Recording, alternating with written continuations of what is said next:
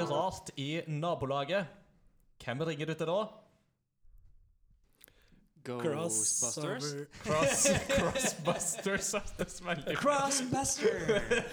No, no, no. Au contraire. We are Crossover Gaming. Yeah. Eh, Med episode 27 av vår podkast. Hjertelig velkommen, folkens. Det er oktober, det er mørketid, det er tid Halloween. for uh, halloween om ikke så veldig lenge, med ghouls and ghosts og thriller-dans og hele pakka. Og ikke minst uh, rare ting i nabolaget, og da må man eh, ringe Ikke Crossbusters, men Ghostbusters. Hjertelig velkommen skal dere være. Mitt navn er Ingar Takka Nobu Hauge. Jeg er programleder for podkasten. Med meg her i studio i Oslo i dag så sitter Kristleik Fonland. Kristleik Fondeland, eller Christian, som han òg er bedre kjent som. Det er, det er Kristleik Det er Christian på nynorsk. Å, ja, ja, jeg skjønner. skjønner. Ja. Og så i, eh, og i eh, Kristiansand, fra Batcave, så sitter Mats Jakob. Nesmann. Oh, Velkommen skal du være. Og faktisk, i dag så har vi med oss en eh, fjerdemann. Vi har med oss en gjest her i Oslo. Mine damer og herrer, han har vært en eh, fast lytter eh, av podkasten vår fra tidenes morgen. Helt ifra vår podkast sa «Ha, samenya, hamamisi, mamma og sola gikk opp over Crossover Gaming-landet. Sånn. Så satt han klar i Ålesund, og nå sitter han som regel i Bergen. Men nå er han her hos oss i Oslo. Ta godt imot Kjetil Austad Endal. Tusen takk. Tusen takk. Kjetil. Hvis jeg ender opp med å kalle deg Kjaus i løpet av eh, episoden, så er det helt naturlige årsaker. Kjaus er greit. Kjaus er veldig greit. Det er min gamertag, Ja. eh, både på Discord og i Battlenet og på PSN. Og ja, der spill spilles, er jeg kjaus. Der spill spilles er du kjaus, og det er veldig festlig. fordi at det første gang eh, Eller ikke første gang vi traftes, for det, vi traftes jo i studietida vår her i Oslo. Og, men eh, en gang du var på besøk hos meg, um, så var det flere andre som var med på besøk òg. Og da hadde jo vi spilt en del uh, Overwatch sammen. Ja. Så da du kom inn og bare på en måte begynte å snakke, så var det liksom sånn at folk visste hvem du var, bare basert på stemmen din. Ja, Det var veldig artig for meg å få ansikt på de her eh, som jeg bare hadde sett. Mm. Ja, Men jeg trodde du var en sånn her eh, australsk redneck-fyr som kasta miner på folk.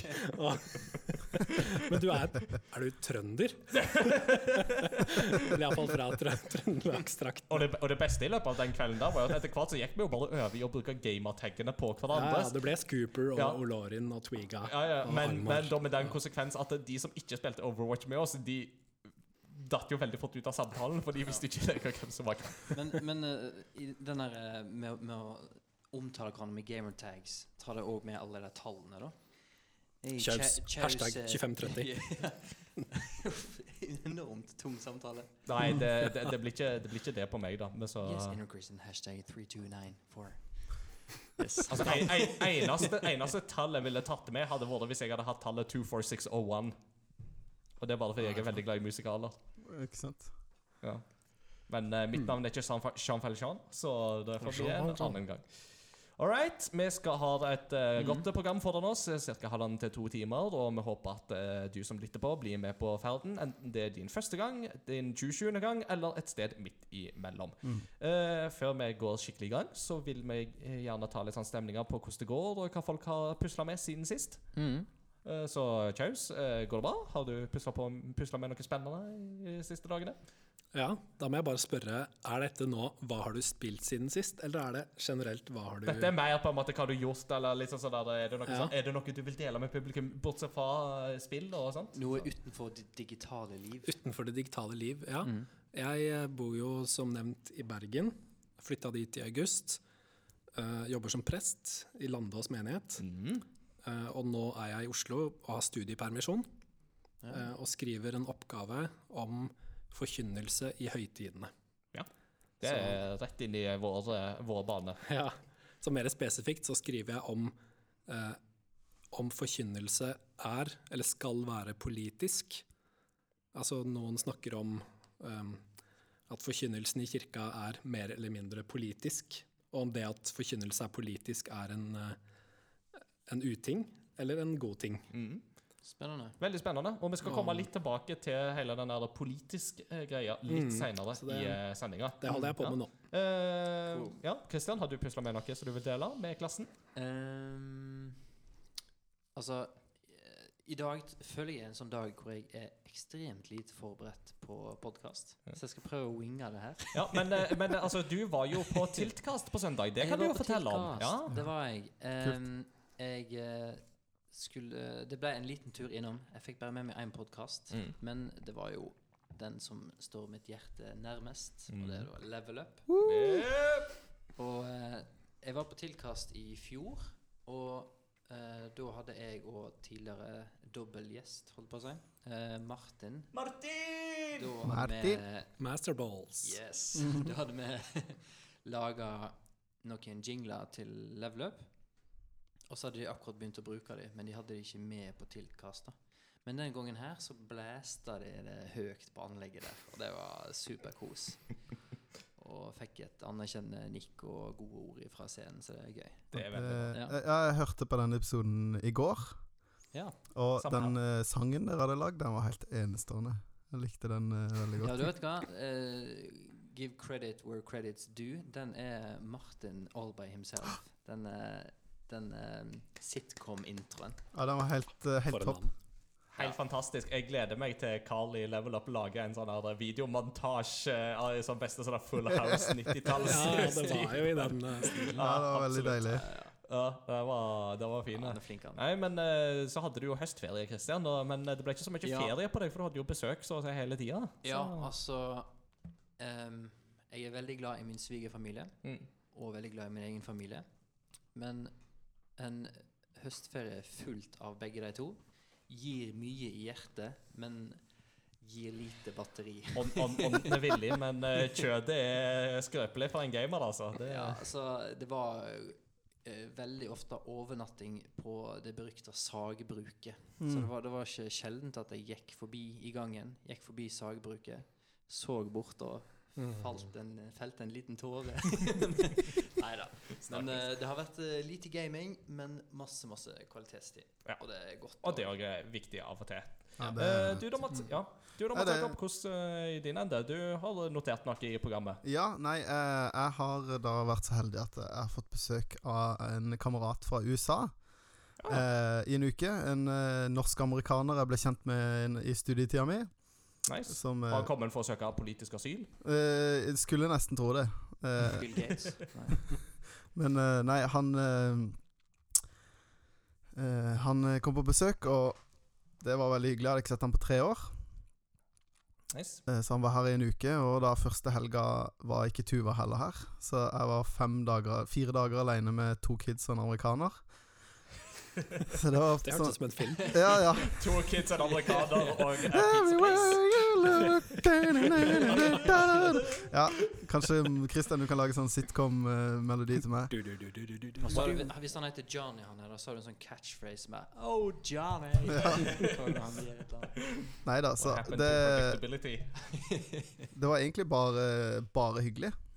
Eh, Mm. Men det er jo å ha besøk i en uke er jo å fremdeles ha besøk i en uke. Sånn at man, eh, som Mm, du sier, det det er er ikke bare å la, får ikke bare la, bare lade batteriene. Nei. Nei, Jeg, jeg er jo litt sånn I sånne anledninger så får jeg litt sånn assosiasjoner til Tussi i Ole Brumm. Så er det sånn her, ja, 'Tigergutt har kommet til skogen vår', sa Ole Brumm. 'Å', sa Tussi. 'Når skal han gå igjen?' Ah, nei, det er litt sånn uh, Michael kunne jeg hatt på besøk i en måned uten at det egentlig var noe problem. For det, men det er bare det vi eh, Når vi er sammen, så blir vi så gira. Og det er liksom Det er sånn Alt er Det er så gøy. Ja. Så det vi fiska, og vi var vi, Kona mi jobber i domkirka i byen, så vi var nede i krypten under kirkegulvet. Oh, Eh, hvor de nylig fant noen hundre år gamle barneknokler når de, knokler når de skulle Oi. Heise ned noen kirkebenker. Oi. Eh, så var vi helt oppe i spiret, og så da, som er det høyeste punktet i Kristian by. Så det var veldig stas. Og det er veldig gøy å ha med amerikanere på sånne ting, for de blir veldig sånn Nei, men Det er veldig gøy å ha med amerikanere på sånne ting, for de blir bare så veldig sånn Wow, this is amazing! Wow, this is exciting! De blir veldig sånn eh, You guys bergtatt. actually have history in your country! Mm. Ja, han blir litt sånn der eh, Oi, denne grunnmuren er 500 år gammel. Wow. Ikke sant? Altså, ja, det er litt, han er litt sånn, og han har jo vært i Norge mange ganger. ja. Men du hadde, men du hadde jo òg litt sånn Så- tendenser til at du nesten ikke rakk episoden i dag. Eller det var litt sånn, Vi begynte å lure på om vi måtte spille en episode uten deg. ja, absolutt. Nei, jeg fant plutselig ut at, eh, at eh, det falt på sånn at eh, episoden og kursdag på jobb krasja. Så jeg har vært på livredningskurs frem til nå. Og så fikk jeg, var jeg så heldig å få lov å slippe litt tidlig, så det kan vi takke eh, rektor for. At jeg fikk dra litt før. Rektor! Men eh, hvis jeg noen gang ikke består eh, livredning, så er det Crossover Gaming sin feil. Ja. Eh, og grunnen Red, Red Cross Gaming. Ja, Red Crossover. men, eh, ja, nei, men hovedgrunnen til at jeg slapp, var jo fordi du er her, Kjetil. Jeg sa det at det oh, var ikke mulig mulig å takk. booke om en gjest. Så hørtes Det hørtes veldig viktig ut også, det er veldig fint. Mm. Passer meg bra. Ja. ja, eh, jeg har jo ikke hatt det ferie eller noe sånt, men jeg har gjort noe veldig gøy siden sist. da For eh, jeg har eh, endt opp med å kjøpe en god gammel kasse-TV. Eller en. CRT-TV, om du vil. Så nå er det rett på retrokjøret. Mm. Uh, og det beste her var jo det at uh, jeg bare kikka litt sånn ha- ha- Jeg kikker litt av og til på Finn og litt sånne plasser med jevne mellomrom, og så var det bare ved en tilfeldighet at jeg så en TV, en Sony Trinitron 29-tommer, som var på en måte veldig god etter å samkjørt med Mats Jakob her. Så fant jeg ut at vet du hva, det hadde vært litt gøy og godt for den. Og så spurte jeg kona litt sånn Fint, eh, hvis jeg kjøper den nå, så har vi det klart til den dagen vi flytter, og jeg får retrorom og sånt. Jeg kan bare ha den i kjelleren når jeg ikke bruker den, så kan jeg bare bære den opp og sånt. Som om jeg klarer å bære 43 kilo kasse-TV alene på det to etasjer, liksom. Det var litt vel optimistisk. Men hun vet du var bare sånn Nei, men hvis vi flytter den stolen og den lille bokhylla liksom på andre sida, og sånn, så får vi jo plass til den TV-en der i stua. Så nå har vi plutselig to TV-er i stua. Vi har en uh, nymotens eh, 4K-TV, og så har vi en god gammel uh, CRT-TV. Er det rart jeg er glad i den dama? Jeg, jeg, jeg gifta meg godt. I Ja. it good. Nice. Så det, det er, nå har jeg eh, brukt masse tid på GameCube og liksom testa det opp. og litt sånn, Så det er godt mulig at det nå framover så kommer retrosegmentet hos meg til å ta seg kraftig opp. altså. Ja, det, er, bra. det er godt. Og det ser kjempebra ut. Det er en vanvittig stor forskjell. Det er vanvittig stor forskjell. Ja. Altså, jeg, jeg, det, det jeg kanskje merka det mest, var nok da jeg testa og fyrte opp Super Mario Sunshine. Bare for å teste det litt. Grann. Eh, og det spilte jeg jo i fjor på eh, en 42 tommer plasma-TV. Og med blanda grafiske hell og alt sånt. liksom og sånt Men eh, når jeg da testa det nå på den CRT-TV-en, så var det jo sånn Wow! Det var imponerende saker. Og det Mm. slår meg jo òg hvordan grafikken på liksom, de beste GameCube-spillene har virkelig holdt seg. altså Mm. Mm. Det Mange tidløse Absolutt. Mange tidløse klassikere. Så Så, det, som, eh, som jeg har sagt før, Mm. RGB-kabler. Når du får det, så blir det ekstremt bra. Ja. Jeg, eh, jeg, jeg gleder meg til det. Det skal bli Mm. et kjøp etter hvert. Jeg må ba, de må bare komme på lageret igjen først, så jeg er klar. Mm. Right, Da har vi hatt en liten eh, recap, og da er det på tide å høre fra våre lyttere. Let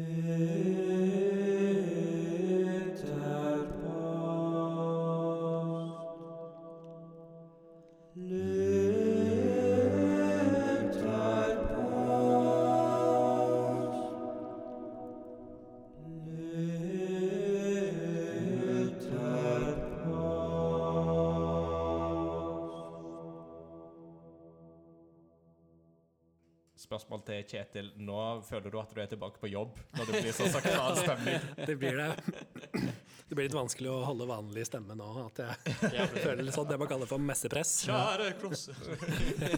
Men, men, men, du, men, men, jeg husker men jeg husker da vi introduserte den. Du var litt sånn ambivalent til akkurat Ja, den. Ja, altså jeg er nå litt ambivalent til eh, Man må ha en viss ironisk distanse når man er prest. ja. Mm. Iallfall føler jeg det, så jeg er nok litt ambivalent til Mm. Det meste som har med kirken å gjøre. Men på en, det er en god ambivalens. En Ja. god ambivalens. Det tar vi med oss. Ja, det er bra. Folkens, eh, filmen Joker har hatt eh, premiere på kino. Jeg var og så den på fredag. Den er skambra og anbefales varmt. Eh, men i den forbindelse med at Joker har hatt premiere, så lurer vi på hvilken superhelt og superskurk som er folk sine favoritter. Og mm. selvsagt så må de begrunne svarene her. Um, Kjetil, har du eh, klart Det var ikke så lett å si Kjetil der. Kjautil. Kjausil. Jeg tror jeg holder meg unna det, gameren ikke. Ja, ja, ja. Men eh, har du Kjaus. Eh, hashtag Kjausfrid. Ja. Kjausfri. Kjausfrid. Men har du fått forberedt deg et svar på lytterposten? Det er ikke før nå, rett i stad. Mm. Sånn at da har jeg bare skrevet det første som falt meg inn. Mm. Og det, det er den filmen jeg har sett der hvor det er på en måte Som virkelig har skremt meg mest av alle. Hvor en av karakterene har skremt meg mest av alle filmer. Mm. Iallfall fra det jeg har sett de siste årene. Og da må jeg faktisk si filmen Gun Girl. Oi. Mm.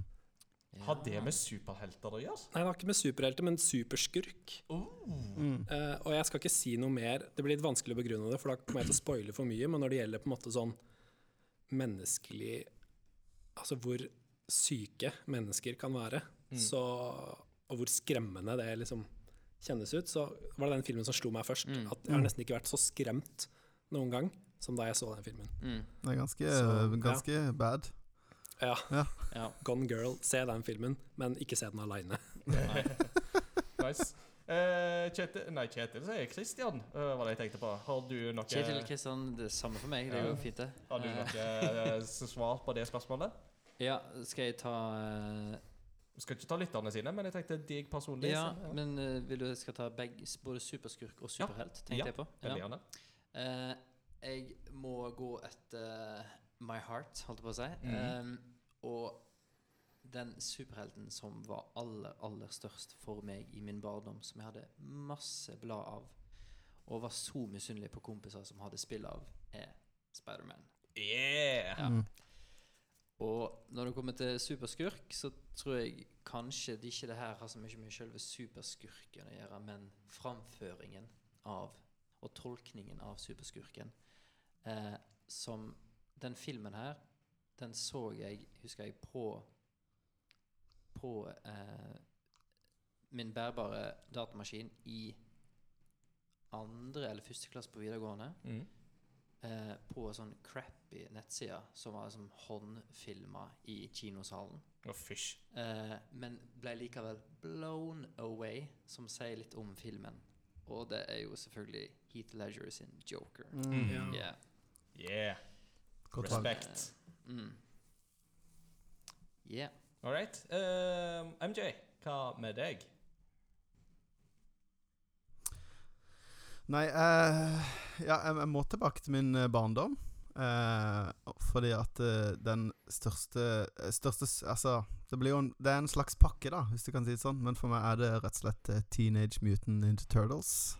Yeah. Living in a half shell. Ja. Turtle power.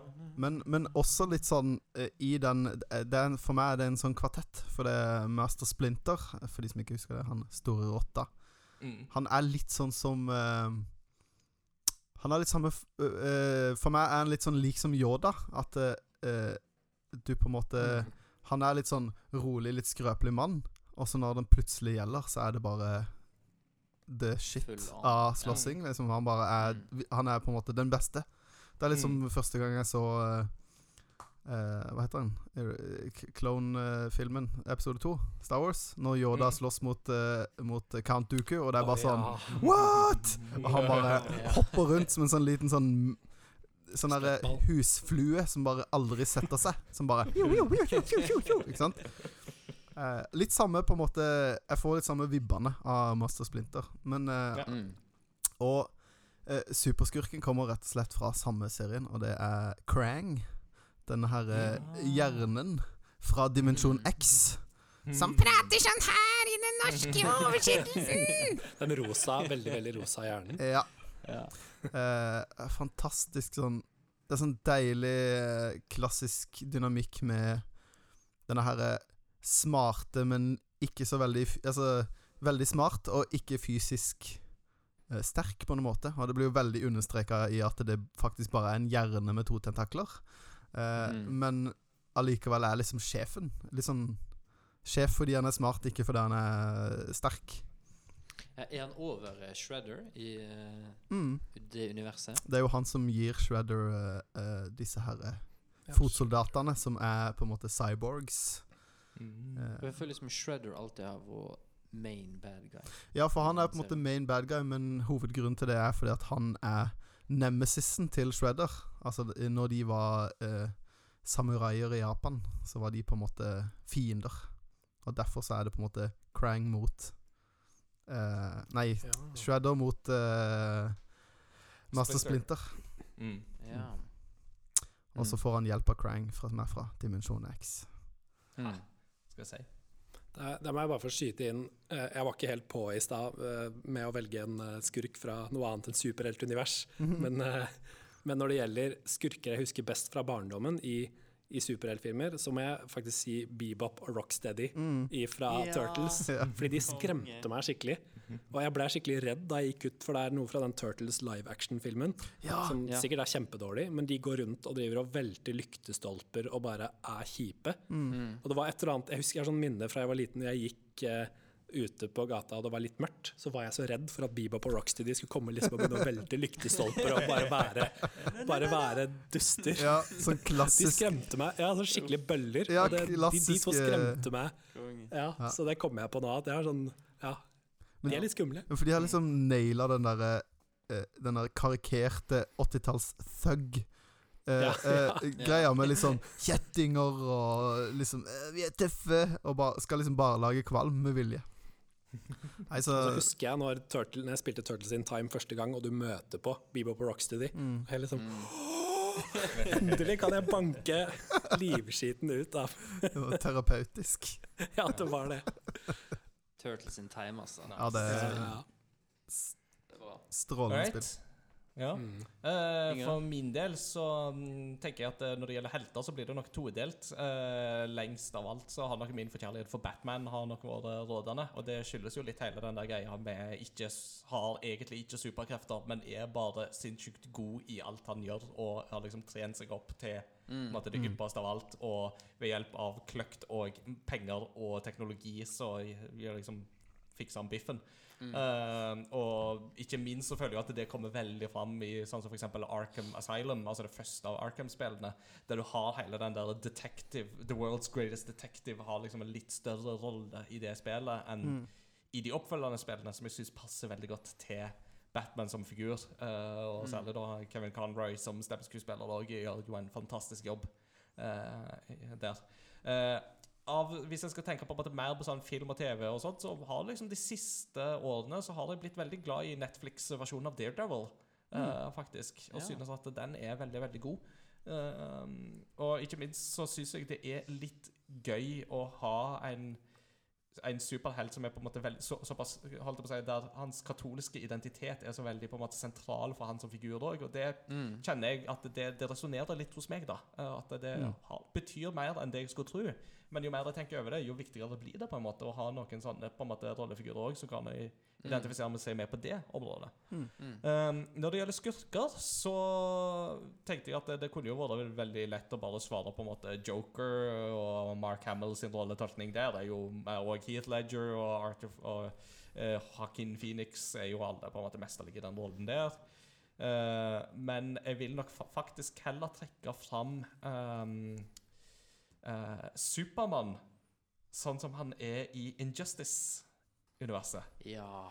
For da er det jo litt mer dette med at hva hvis Supermann basically mister all sin motivasjon for å være god, Mm. Mm. og egentlig da ender opp med å bruke kreftene sine til undertrykkelse og bli en despot, eh, Ja. som er en utrolig fascinerende tanke, og som jo de på en måte streifer litt innom i Batman v Superman-filmen òg, ikke sant? Er jo på en Mm. måte er Ja. Litt av hovedmotivasjonen for Batman der er jo nettopp den frykten for at Supermann Hvis det er en ørliten sjanse for at han kan gå bad, så må vi ta han. Ja. Uh, og den, synes, den Mm. tanken der syns jeg er veldig fascinerende, og Injustice lever jo ut den til det fulle. Mm. Så det er en tegneserieark som anbefales varmt. Hvor ligger det hen? Eh, du må nok eh, kjøpe det på DC altså, en, altså Jeg vet ikke om DC har noen digitale tegneserieplattformer eller noe sånt. Og det er må- ikke serie, det er tegneserie. ja, det er tegneserie, men det er òg spill. Altså, det er jo egentlig spill det er basert på dette her. Dette er jo slåssespill laga av eh, de som lager Mortal Kombat. Netherrealm? Netherrealm. Ja. Kom, kommer den story-arken noe godt fram i Injustice-spillene? Ja, den veldig. Ja, gjøre det. kult. Så Ja. både i Injustice 1 og 2 så kommer den fram. Så Ja, for både i begge de to spillene så har du en ganske lang eh, og detaljert campaign, Ja, kult. hvor du spiller liksom så og så mange kamper som den karakteren, og så går storyen videre til den karakteren. Så er det liksom ganske kule cutscenes mellom eh, hver kamp, på en måte. da.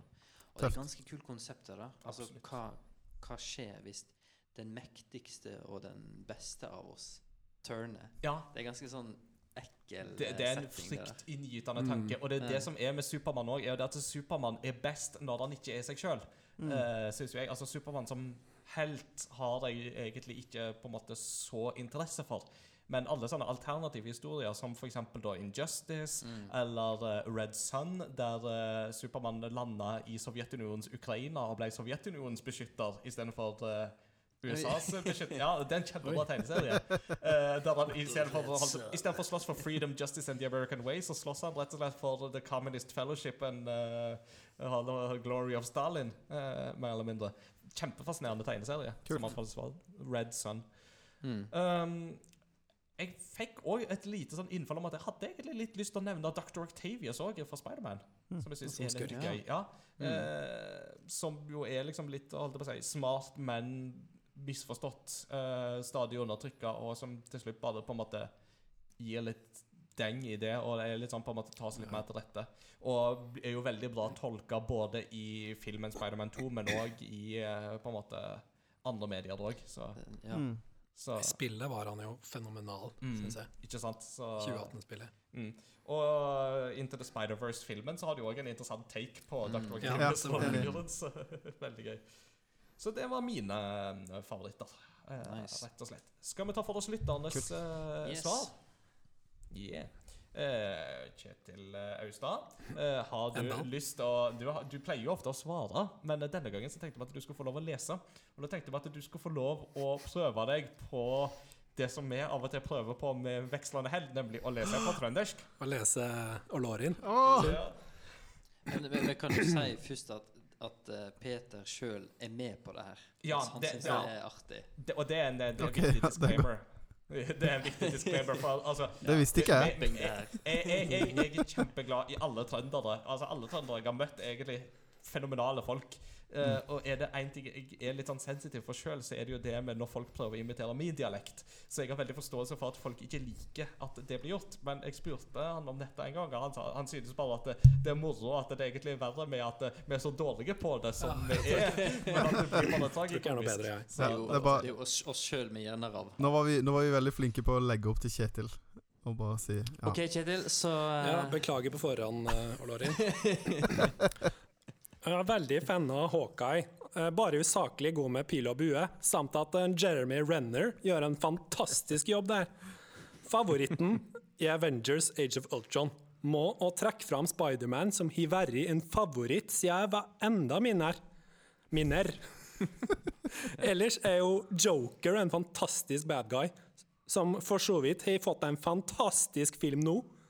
Jau, Ja, var det, var det han du var og så eh, Joker med? det er korrekt. Ja. Eh, blant annet. Vi var seks stykker som var og så filmen. Mm. Blant annet òg Håkon, som eh, stilte opp på veldig kort varsel og tok en billett som plutselig ble ledig. Konge. Kult. Veldig bra, Kjetil. Det... Kudos til deg. Mm. Kristian, vil du ta neste? Ja, eh, da begynner jeg på toppen her. i dag. Hos meg så er det Martin. Eh, her jukser jeg litt og inkluderer alle fiktive karakterer med overnaturlige evner. Ok, get ready. Favoritthelten er nødt til å bli Rand Althor fra The Wheel of Time.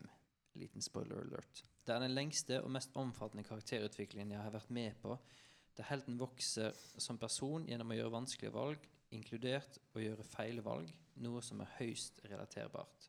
Det hjelper også å få badass magiske evner. Son Goku fra Dragon Ball kommer på en god andreplass for å være en dødelig supermann, bare uendelig mer kickass. Helten Kickass kommer på en god tredjeplass. Den var frekk. På beste superskurk er det vanskelig å ikke nevne Heath Ledgers Joker. Har ikke sett Phoenix sin enda. Men for meg er det ingen som overgår tidenes antagonist, Darth Vader. Kanskje den mest ikoniske fiktive karakteren ever. Nok til å lage tre prequel slash making of-filmer. Med en interessant reise fra god til slem til god igjen. Orker ikke skrive spoiler til en 36 år gammel film. Sant nok. Eldre enn oss. Eh, Den konstante auraen av frykt han sprer rundt seg, smitter over på publikum, og han virker helt uovervinnelig. Noe han kanskje fortsatt hadde vært uten Mr. Sidious svik. Jeg er far din, sjø. Var det sånn det var? Uh, honorable mentions Hufsa og Sauron. Absolutt i ledtog med hverandre i skurkepartiet. Vader, Hufsa og Sauron. Det er en magisk kombo. Ja, det er Yes. veldig bra. Uh, Mats Jakob, vil du ta neste? Yes, da tar jeg fra vår alle kjære Åsmund Solsvik. Åsmund! Åsmund. Tror min favoritt er Batman, av at han ikke har powers, men bruker hodet. Har ingen favorittskurk, skriver han. Ja. Kort og godt. He's very, he's very good and he's very good. Only like good guys. Yes. yes. Da kan jeg ta en, eh, et lengre svar fra Eirik Ramsli Hauge, som mm. har skrevet OK, nå har jeg tenkt lenge, men siden dere krever et grundig svar, så må vi her starte med å definere antakelsene mine. 1. Superhelt slash skurkene er så forskjellige i spill, film, bok, tegneserier at de regner hver som en egen figur. 2. Superhelt, eller skurken må anses som overmenneskelig, enten han, hun, det er det eller ikke. 3. Dersom det ble laget film om dem, må det kunne allment bli regnet som en superhelt slash skurkfilm.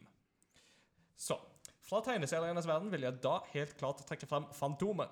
Fantomet var så spennende at jeg som liten leste krønikebøkene på senga. Kunne det fort hende at jeg leste til jeg ble så trøtt at selv om jeg la bort boka, kunne jeg glemme det og sette meg tilbake for å lese videre. Da leste jeg fort en ti minutters tid, før jeg plutselig oppdaget at jeg holdt ingenting. Det var bare fantasien min som hadde gått videre. Men frem, til, men frem til da så jeg for meg boka og alt, men historien gikk merkelig nok alltid dit jeg ville. Fantomet har alt. Action, romantikk, jungel, hest, ulv, ringer med lett gjenkjennelige tegn, og den alltid overhengende faren ved at han bare er et menneske, og at Fantomet ikke er udødelig. Fantomet flørter kanskje litt med antakelse nummer tre, men jeg godkjenner den. Av superhelter jeg forbinder mer med film, vil jeg trekke fram Dr. Strange. Han er klok, kul, kan magi og har en levende kappe. Hva mer trenger man? Dessuten har han spilt av Benedict Cucumber Patch, vil jeg jo legge inn her. Ja, jeg sa cucumber. Det gjorde du. Ja, det gjorde jeg. Av superskurker synes jeg det er vanskelig å finne én. Problemet med dem er at det ofte er så mange, og de klarer jo liksom aldri helt det de vil. Jo da, det går av og til, men så er det en time loop, ny forfatter, reboot, magisk eliksir, vitenskapelig eliksir eller lignende som hjelper til. Heath Ledgers The Joker er jo en fantastisk skurk, men siden han allerede er nevnt, vil jeg dra fram Lex Luthor fra Smallville. Smallville var noe jeg så sporadisk på TV i oppveksten og lurte på om det var slik livet ble som ungdom. Svaret var både ja og nei. Mest nei. Men her er Clark Kent og Lex Luthor nære venner. Det å se dem og deres vennskap holde gjennom tykt og tynt, men sakte slites bort, gjorde stort inntrykk på meg. Det kunne fylle meg med håp for vennskapet deres, selv om jeg innerst inne visste at det var fåfengt. Honorable mentions helter. Asterix og Obelix, Ang fra Avatar, begge strider mot antakelse 3. Skurker Raz Al Ghul fra Batman Begins, elsker mentor blir skurk. Siler fra Heroes og Zuko fra Avatar. Håper det var grundig nok. Gleder meg til episoden. PS. Vi må ikke glemme den største superskurken av dem alle. Rupert Murdoch.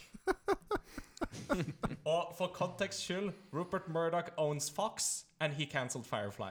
Ja, Yeah. Jeg tenkte på Murdoch i MacGyver. ja Han som aldri dør. Ja. Han blir bare mer og mer brent. Ja, Han får så mye arr i trynet at det er Ja. mer arr enn trynet. Men det er ikke, han, det er ikke den Murdoch som eier eh, Fox. Men eh, det kunne Nei. fort ha vært det siden han eh, kansellerte Firefly. Ja. Har du, Kjetil, lyst til å ta den aller siste? Han Er det den jeg har her? Den, ja. Er det Jon Edvard Genius eller Genius? Ja, genius. Genius. Genius. Genius. Ja, jeg bare tenkte på om det var Ja, det er navnet, og Ja, ikke nei liksom det ja. er hans eh, Genius. virkelige navn. Helt. Utrolig glad i Isuku Midoriya fra My Hero Academia. Han er unik i at han aktivt ønsker å være en superhelt, Og når han da lever i en verden hvor 80% av verden har superkrefter, men han selv ikke har noen, blir dynamikken i hans heltereise ganske unik og interessant. Skurk. Mark Hamhills Joker har alltid klart å fange den klassiske blandingen av galskap, ondhet og den skumle barnsligheten til karakteren superlativt. Spesielt i Arkham-spillene. Elsker det. Absolutt. Yeah. Nice, Nice. nice, nice.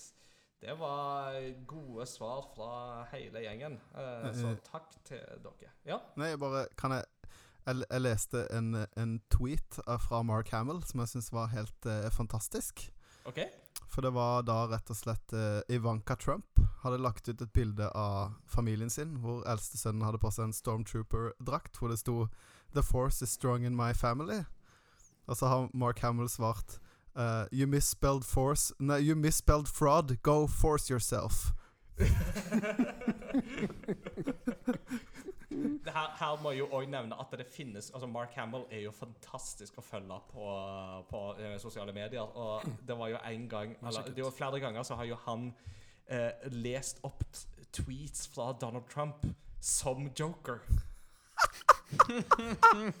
Ok, det Så blant annet har jo lest denne her uh, nyttårstweeten som Trump hadde en gang med Happy New Year, including to my many enemies. Og sånn. Og så leser du til slutt med sånn Har han en podkast?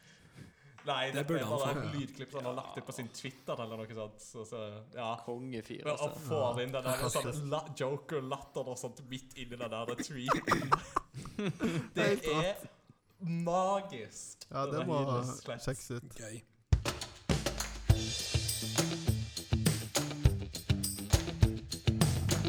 What you been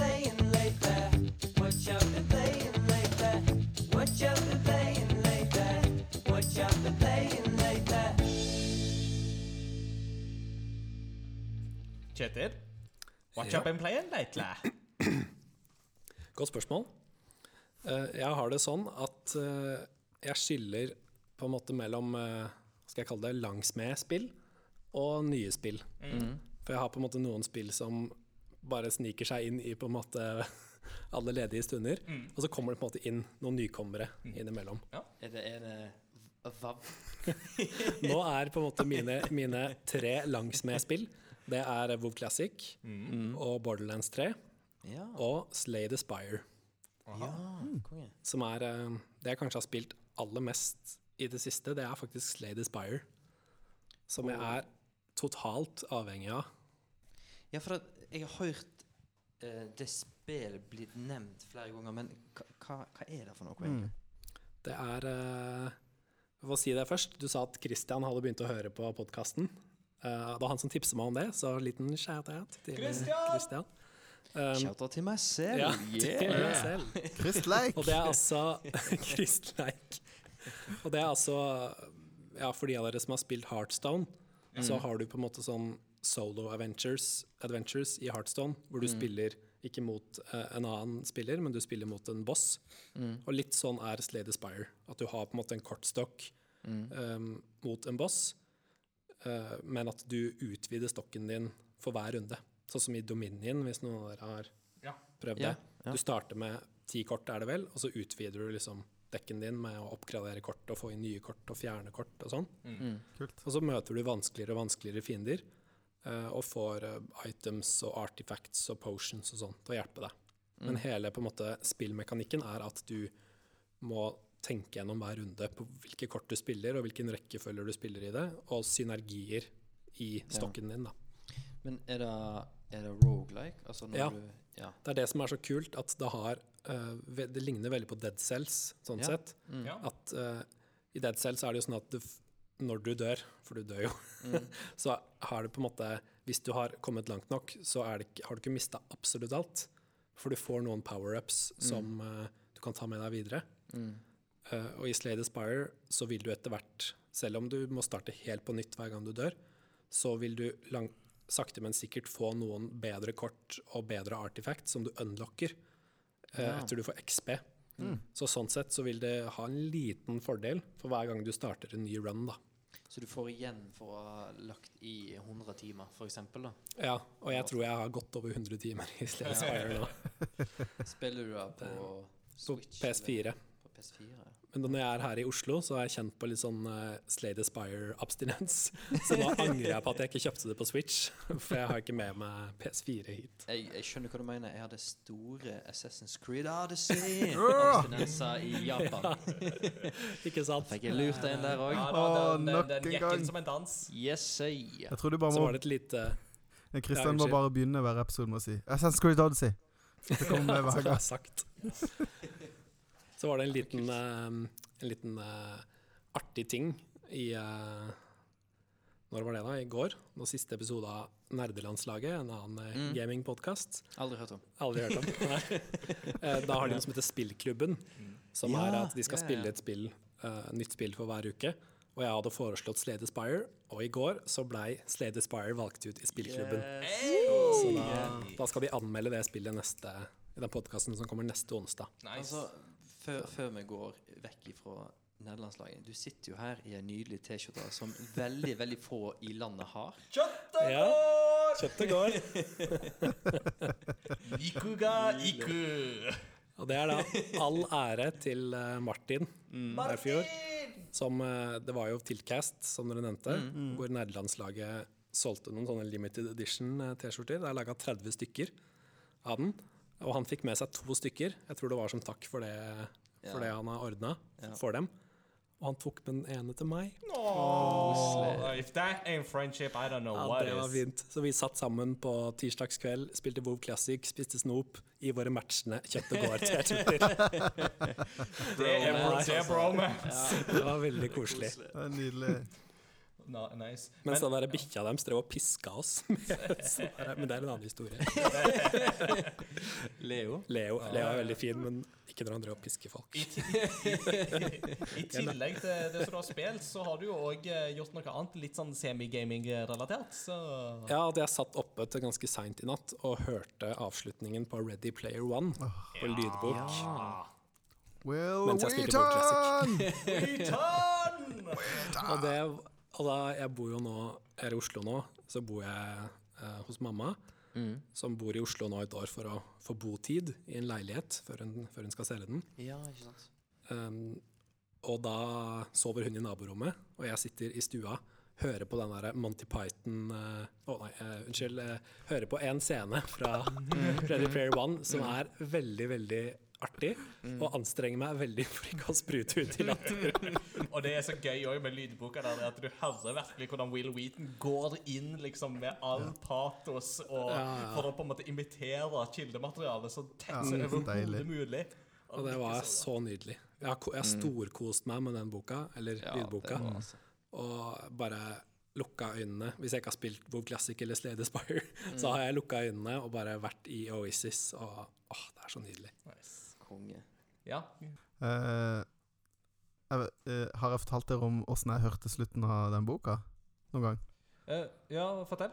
Nei, det var Jeg hørte den boka på Jeg tror jeg hørte den på tre dager når jeg først, når jeg først oppdaga den. Men Ok. eh, jeg hadde fire timer igjen. Og så hadde jeg satt på skolen og venta på at jeg kunne dra hjem. Og så gikk jeg hjem, og så rett etter skolen og la meg under dyna i bare bokseren og hørte i fire timer. Lukka øynene og bare Maks ingen distraksjoner. Nå skal jeg bare nyte slutten på den boka. Det Lot 80-tallet ta deg med storm. Ja, det var da Ja. Og den der Ja. Jeg har både lest boka og hørt boka. Jeg tror jeg har hørt lydboka sikkert åtte ganger. Men, eh, men uh, Will Wheaton, altså, for en uh, For en levering. Ja, fantastisk eh, Perfekt person til å lese den boka. Mm. Han må vi få som gjest en gang. Det hadde vært gøy. Ja. Artig. Eh, hva med Ja, deg? men Hva du jeg, jeg tror du, du Nevnte du disse her eh, kortsiktige spillene dine òg? Eller hadde du noen der? Du nevnte Nå- langsiktige og Ja, nå eh, i det siste så har jeg faktisk Har det på en måte bare vært de spillene Ja. Det, Siden sist? ja, siden sist. Ja. Eh, nei, det er de på en måte jeg har spilt langs med, som jeg sa. Mm. Uh, Jeg, jeg, lik, jeg liker at Borderlands 3 allerede er blitt et langsiktig spill. Ikke sant? De er spillerne en jeg sånn spiller type sånn- eh, Nei, det var bare Sånn grindespill. Det er, Ja. Og så kommer det på en måte noen innskudd som jeg på en måte spiller ferdig, og så fortsetter jeg med de andre Ja. spillene. Sånn har det nesten alltid vært. Og de, de langsmed-spillene har nok forandra seg litt. Ja. Altså hvilken versjon av WoW som er langsmed-spill, f.eks. Men spiller du uh, Borderlands på PC eller PlayStation? PC. Ikke sant? Good stuff.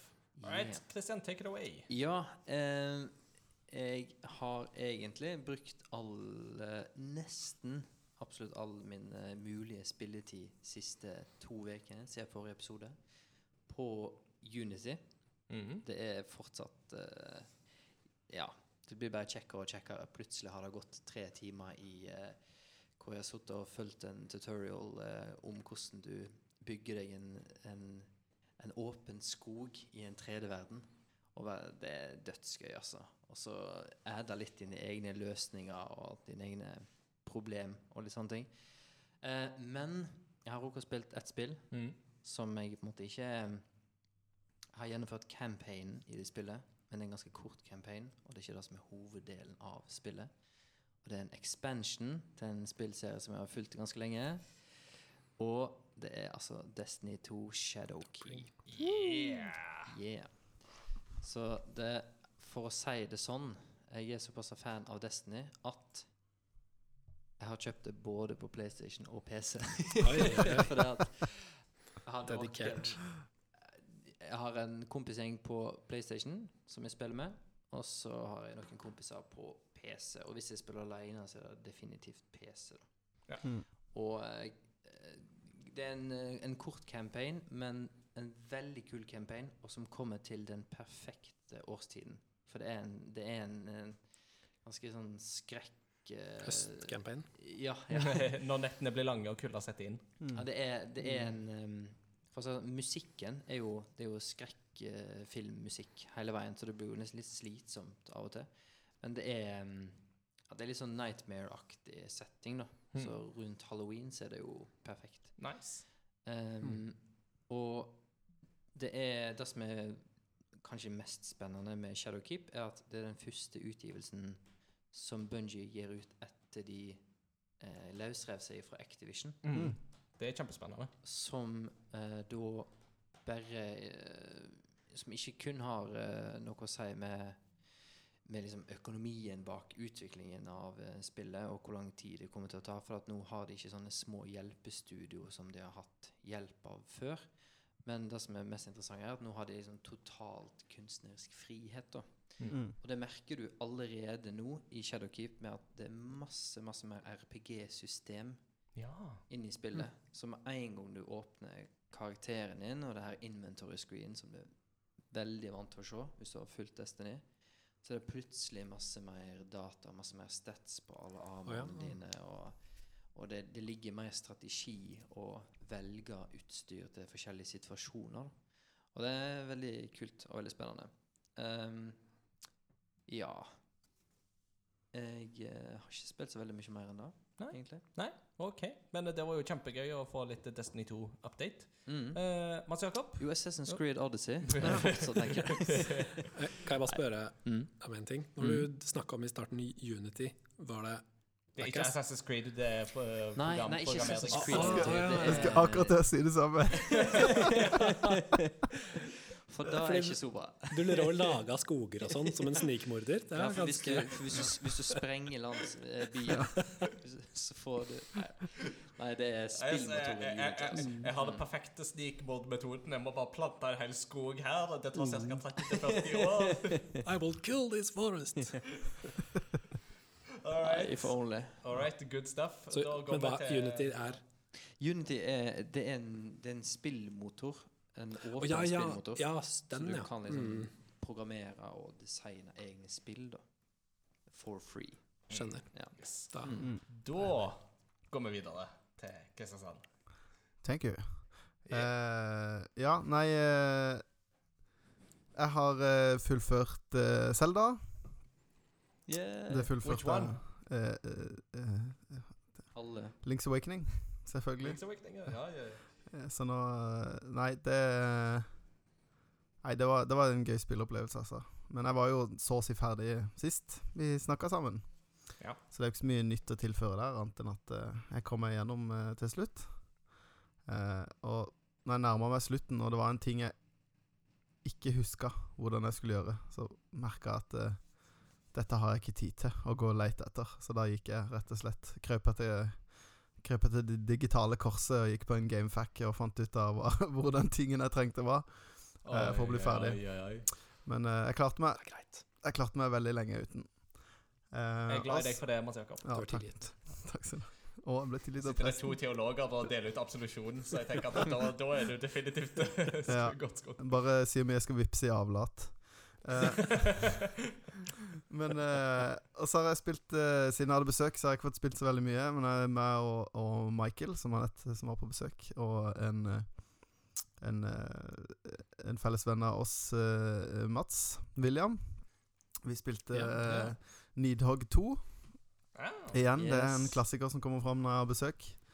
Det Mm. er fremdeles veldig, veldig gøy. Eh, og ja, det er litt som Smash. Du kan liksom bare Plutselig så er det gått noen timer, liksom. Med bare sende Mm. kontrollene, og du blir sånn grudge matches hele tida når det er sånn «Ah, 'Jeg skal ta det'. Uh, Altså, med Nidhogg så får du konstant hjerte i halsen, altså. Ja. Sånn, nei, nei, nei, ja. ja, det er helt Det er helt fullstendig bananas. Ja. Så det er Ja, det, det er veldig gøy. Og så har jeg spilt uh, Settlers både digitalt og analogt. Mhm. Eh, så det har jeg kost meg veldig. Jeg knuste en eh, kompisgjeng i Settlers uh, brettspillet. Eh, det, det jeg oppdaga da jeg spilte det, var at eh, det er litt som Monopol. At uh, når man er ferdig, så er det egentlig bare den som vant, som syns at det var gøy den siste timen. Og alle har egentlig bare lyst til å s- vende bordet, for du skjønner Du skjønner at å ja, det her går veien for den ene, og så må du på en måte lide deg gjennom Han ene måtte jo lide seg gjennom to og en halv time, for han ble jo bura inne midt på øya med en gang. Kjetil? Ja, da bare kom på det. Det er en Instagram-konto som heter Nå koser vi oss. Ja!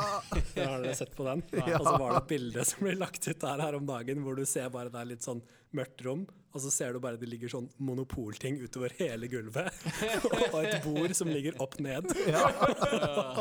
bare, det er så bra sit- situasjonsbilde. ja er, Så her er det noen som kom på hotell på Ullevål Hageby, eller? ikke sant? Det er, det. Men det er litt sånn sett gøy. eh, kan være, da.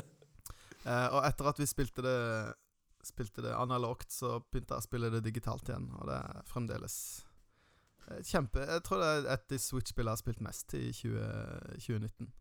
Kult. Ja. Så det, men jeg er jo særs interessert i Settlers. Mm. Eh, bortsett fra det, så tror jeg ikke jeg har spilt noe særlig, altså. Nei. Mm. All right, da takker jeg for det. Og så um, tar jeg eh, min liste. Den er faktisk litt lengre enn normal. Uh, for jeg har spilt en del sånne småspill eh, i Mm. det siste. Uh, først av alt, jeg har spilt ferdig Phoenix Wright Ace Attorney. Det første av de. Eh, veldig gøy. Objection. Eh, og ingen objection der. Det var veldig gøy. Så jeg gleder meg til å gå videre på nummer to og tre etter hvert. Um, jeg har så vidt fått begynt på Switch-spillet Demon X Machina. yeah. Som uh, kom ut nå i september, samme dag som Borderlands 3 for øvrig. Mm. Um, det Etter fire timers tid så syns jeg ikke det er så bra, egentlig. Dessverre. Det, um, for å oppsummere, det føles litt som en anime-B-versjon av Anthem. Og Anthem var ikke så bra. Men jeg ville heller spilt Anthem enn å spille Demon X Machina. Liksom, det er sånn, B-versjon av en B-versjon. ja, eh, for at det er sånn Triple B. Det, det er sånn, sånn framtidsscenario med liksom roboter som eh, har liksom det- det en AI og roboter og greier. Og så er det liksom, da, begynner liksom alltid med at du er i en hangar, og på den hangaren så er det en stor robot. Den roboten springer du opp i, og så tar du oppdrag. De oppdragene kan du spille med andre over nett hvis du vil, eller du spiller alene. Eh, og så er nesten alle oppdragene liksom det samme liksom innenfor et lite område. Og så er det liksom bare skyte bang, bang, bang, og det er ferdig. Plukke opp litt lut, og så tilbake. Uh, så det føles litt som en sånn der Vi prøver å lage en uh, mekka-versjon av uh, Anthem with anime, and it doesn't really work. Mm. Eh, jeg kommer nok til å spille det videre, men eh, det er ikke sånn det, det, var liksom ikke hotshoten, hotshoten denne, denne sesongen her, for å si det sånn. Nei. Um, jeg har derimot spilt et annet, eh, to andre spill som jeg vil anbefale mer. Det første var jeg så vidt innom sist gang. og Det, var, det er et spill som uh, hanker seg inn uh, over den store spillsfæren nå i september. Har du funnet ut av Ja, den det- uh, onomatopoetikon? Nei, det har jeg faktisk ikke. Og det er jo sånn spennende. Uh, for unnskyld, jeg har spilt Untitled Goose Game. Det kan vi da si først. Um, og det bringer jo opp et litt sånn interessant spørsmål. What does the goose say? For På norsk. på norsk, da, vil jeg merke. Fordi at det, i dette spillet så har du en egen knapp for honk. Som jo da er jo den lyden yes lager på engelsk. Men hva ville man sagt der på, på, på, på norsk? Altså, ender de kvekker, og fugler synger, og og Men hva gjør yes? Ja. sånn Har vi spurt uh, Bård og Vegard? Bård og Vegard? Nei, altså, jeg, eh, jeg prøvde, men alt jeg fikk tilbake, det var ring, ding, ding, ding, ding, Ja, ring, sant. ring, ding, ding, og wa, pa, pa, pa, pa, pa, pa. Eh, så, Så, så, skal skal vi prøve å spørre Siri her nå på direkte? du får spørre Siri. What? Men hun, kan hun svare på norsk? Ja, jeg tror hun stiller på norsk nå. OK, da spør du Siri. Hva sier gåsen?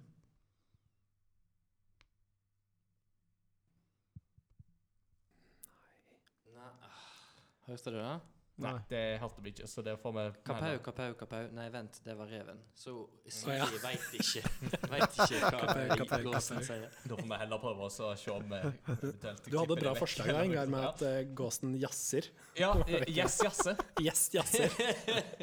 Og en gjeng med jazzende gjess. Yes, yes. Men det føles litt sånn, da, for at det kunne liksom passa veldig godt med litt av den smooth jazz når denne gåsa går igjennom eh, landsbyen og knabber ting og gjør livet surt for landsbyinnbyggerne. For det er jo basically det Until Goose Game handler om. Eh, det er jo egentlig bare å gjøre livet surt for alle. Mm. Jeg, jeg, jeg så en uh, fantastisk eh, anmeldelse av Intel Goose Game av en som heter Video Game Donkey. Og okay. hele greia ja, handla egentlig om oppdraget Rake in the Lake, hvor han later som han var Solid Snake. Og bare yeah. gotta get, I gotta get the rake in the lake, rake in the lake Så var det, det var helt, helt fantastisk. Solid Goose. ja, det, ja, men det, det er jo en annen, um, en annen uh, podkast, Rad Crew, de kalte det jo for Metal Goose Solid. Jeg syns den var veldig veldig god. Ja, det er fint. Jeg synes den var veldig bra, så den skal de uh, Rad Crew ha. Så Ja, det ja. var smooth. Nice. Nei da, men altså Until Goose Game er veldig veldig morsomt og kan anbefales til alle. Uh, For det er jo et sånt Du, du spiller rollen som en gås, og du har en sjekkliste med ting den du skal gjøre. Uh, og det er basically liksom alt ifra å skremme en stakkars unge inn i en telefonkiosk, til at uh, du får den ungen til å miste brillene sine, og så swapper du briller mens han leter etter brillene sine. Uh, du stenger ei dame inne i garasjen sin. Du, uh, du stjeler tingene til en vaktmester og tar dem med bort til et piknikpledd for å lage piknik. Ja. Uh, basically alt mulig sånt. Og det er Du kan ikke dø, uh, og det er det er ikke veldig langt. Det er en to timer, to-tre timer, litt avhengig av hvor flink du er til å løse oppdragene. Og sånt Og for den lengden så er den humoren helt perfekt. Så det anbefales varmt. Uh, ja. Og nå høres det ut som enten Bebop eller Rocksteady var en gås. Etter det du sier nå. ikke sant? Samme levesett. Ja. Uh, av av en eller annen absurd, bisarr grunn så begynte jeg å tenke på min mor når du begynte å snakke om det spillet. For at Alt om min mor. ja, nå, nå kommer kom, kom, nå kommer barndomsminnet. på Det er. Gamebox. Åh, Gamebox. Ja, ja, åh, starting to cry. Men uh, nei, altså um, Mine småsøstre gikk i barnehagen uh, som uh, var på Framnes sin tomt. Det var på en måte på toppen på Framnes. Og så var det en periode når hun minste søstera mi gikk i barnehage. Eh, så måtte du liksom parkere bilen nede. Så måtte du gå opp, hente ungen, og så liksom gå ned igjen. Og i den perioden der så var det to eh, gjess som holdt til på Framnes. Ja. Og den ene av dem var megafiendtlig. Mhm. Så det skjedde flere ganger at mamma sprang ned igjen til bilen med en gås i hælene som jager ned. Seriøst? Ja.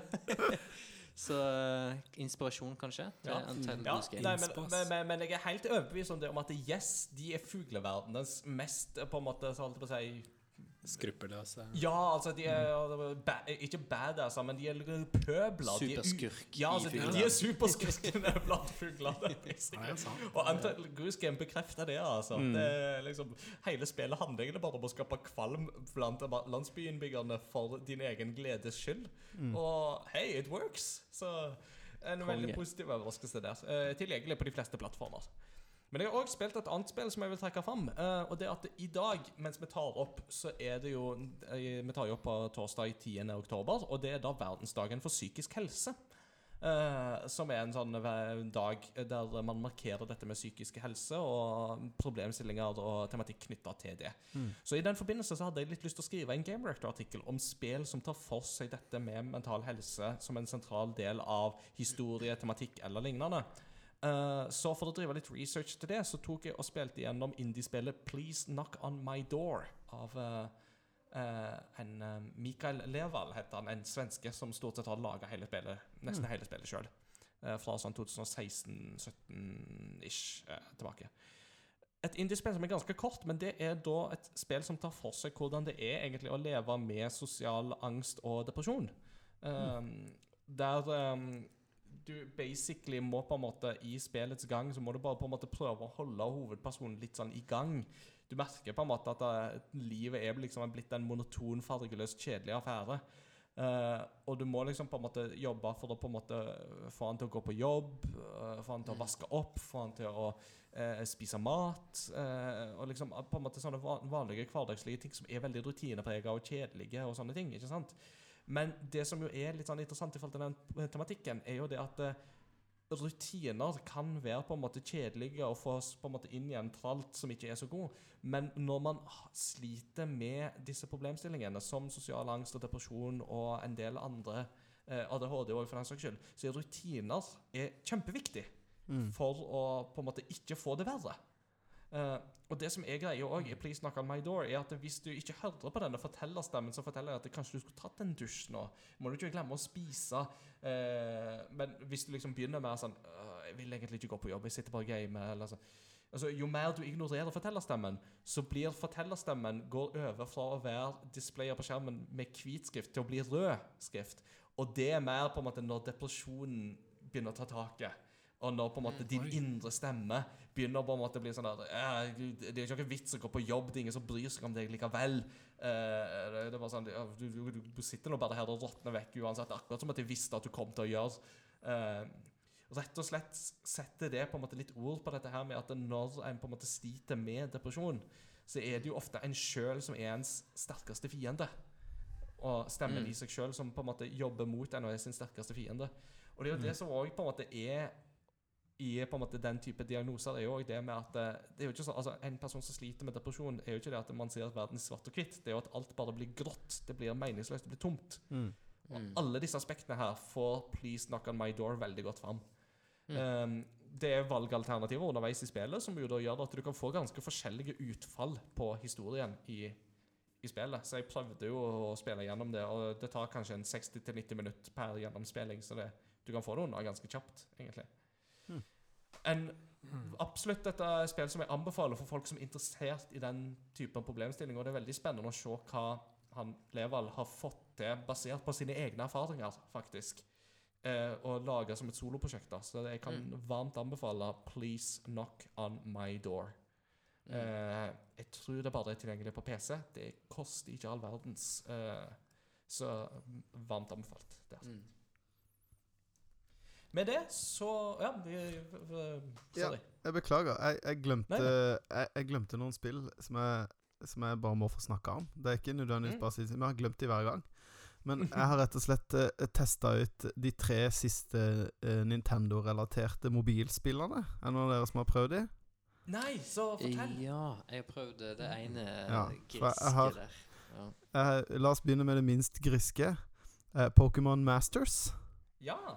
Eh, som er da rett og slett et veldig lineært eh, eh, Pokémon-spill, hvor du er mest fokusert på treneren, og ikke så mye på Pokémonen. Hmm. Hvor du leveler på en måte treneren mer enn du leveler Altså Det er vanskelig å beskrive. Hmm. Men eh, veldig sånn historiefokusert. Du sitter og trykker deg gjennom dialog og dialog og dialog, og så spiller du veldig sånn føles som veldig sånn oppstilt. Alt er veldig oppstilt. Derfor jeg mener det er veldig lineært, da. Eh, det fenga meg ikke sånn skrekkelig, så det spilte, jeg har ikke spilt det fryktelig lenge. Jeg synes jo, ble jo litt skuffa. Jeg håpte jo at de kunne klare å pakke inn en kanskje en litt mer sånn Ja, det er vanskelig å lage et ordentlig RPG til sånn, som jeg fenger med bare tommelen, men eh, Ja. Et, et gyldig forsøk, men eh, ikke dritbra. Og så har jeg testa Mar Dr. Mario World. Ja, Som det er hadde da- jeg hatt lyst til å prøve. Ja, som er Det er liksom der det her Christian hinta litt til from der. At her begynner liksom mikrotransaksjonfesten til Nintendo. Mm. Det, er- det er ikke så ille der, men, men eh, Men det er der likevel, da. det, det er der likevel. Og det er der i litt den der samme formen som det er i type Candy Crush. At du, du kan Du kan la være, men, men du må type vente og sånne ting. Mm. Eh, og så har du jo den verste synderen, som er Mario Kart Tour. Ja. Eh, Ja, og det, det som er trist med Mario Kart Tour, er at det, kjernen av spillet er en versjon av Mario Kart som fungerer å spille med en finger. Det er imponerende i seg selv. Eh, hvor du liksom eh, Du velger eh, Du velger for eksempel Altså du, Den kjører framover automatisk, så blir det nesten litt sånn on rails eh, racer. Mm. Men eh, du kjører automatisk framover, og så svinger du til sidene. Du velger om man bare skal svinge, eller om man skal bare drifte. Hey. Og selvfølgelig må du jo drifte hvis du skal i det hele tatt være noen konkurransedyktig. Og så Mm. sveiper du opp fram og tilbake for å slippe items. Mm. Mm. Eh, og kjøringa er kjempegøy. Fungerer dødsbra. Og så er jo det store problemet at det er jo pakka inn i mikrotransaksjoner og tre forskjellige typer currency, og det er bare helt sånn. Du skulle tro det var lagd av en eller annen sånn her uh, Developer Lagd av IOI. Ja, ja, ja, virkelig. Bra med Red Play One-referanse. Eh. Ja, litt sånn Evil Corporation. Det, det på en måte Jeg forsvarer jo alltid Nintendo, for jeg er jo fanboy. Men uh, for meg så på en måte Det virker jo ikke som det er det føles som det er liksom ikke er Nintendo. Det er veldig rart. Det, det er liksom u, Føler det utypisk de å være veldig griske. Ja, og det er jo veldig trist dette her, fordi at eh, jeg minnes jo en tid der Nintendo lå veldig langt bakpå med det å i det hele tatt lage DLC-er til ting. Ja. Med litt den begrunnelsen med at uh, vi vil at folk skal få et fullt produkt når de får det, og vi vil på en måte ikke bli den der griske pengemaskina. Eh, og så er det nå, har vi på en måte bare se- fem-seks år senere, så er det dette vi får. Og det er på en måte How the mighty have fallen. Ja. Ja, men, men før, før vi går altfor langt i den banen der, da, så føler jeg egentlig at liksom, det her er ikke et mainline Nintendo-spill. Det er gratis. Og uh, det føles egentlig ut som Nintendo har outsourca det her til noen, og ikke fulgt med. Mm. Og så har de plutselig bare adda disse tingene her. Når du må betale en del dollar for å få Mario i Mario Kart Tour. Ja, men, men, men bare, bare sånn- ting som Ja. Hvis du ser bort ifra pengene, da. Bare måten gameplay er lagt opp på. Jeg vet ikke om du har merka det, Mats Jakob, men når du spiller singleplayeren, så er det umulig å ikke komme på førsteplass. Hmm.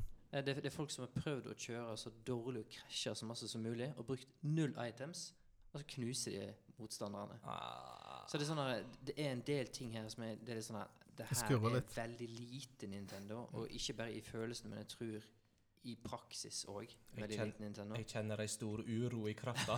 Ja, og eh, jeg så en sånn liten oppdatering som hadde kommet nå, hvor de hadde adda innhold til spillet. Og Mm. det de da hadde adda, var en ting du kunne kjøpe deg, som var en pakke med litt currency, men hovedsakelig Diddy Kong Racing, og den kosta 460 kroner. Det er helt, What?! helt sjukt. Nei!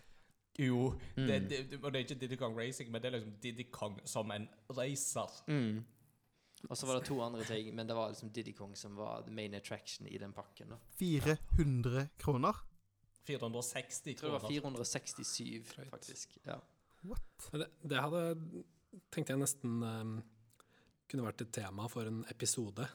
Eh, det hvordan skal spillbransjen klare å finansiere driften i årene som Mm. kommer? Absolutt. Eh, absolutt. fordi eh, Jeg husker ikke om det var du som sendte det til meg, Ingar, men det var en artikkel der det sto om altså, inflasjon um, og hva det, hvor mye mer det koster å lage spill i dag, Mm. kontra hvor utrolig liten vekst det har vært på pris Mm. av spill. Mm. Kanskje det var dere som Ja, om det i nei, en altså, tidligere jeg, jeg, har, jeg, har, episode. jeg har iallfall vært opptatt av den problemstillinga, så jeg kan ha nevnt det for deg på et eller annet tidspunkt. Men det er definitivt en problemstilling som eh, kunne vært diskutert i en episode, ja. Det kan vi jo vurdere, da.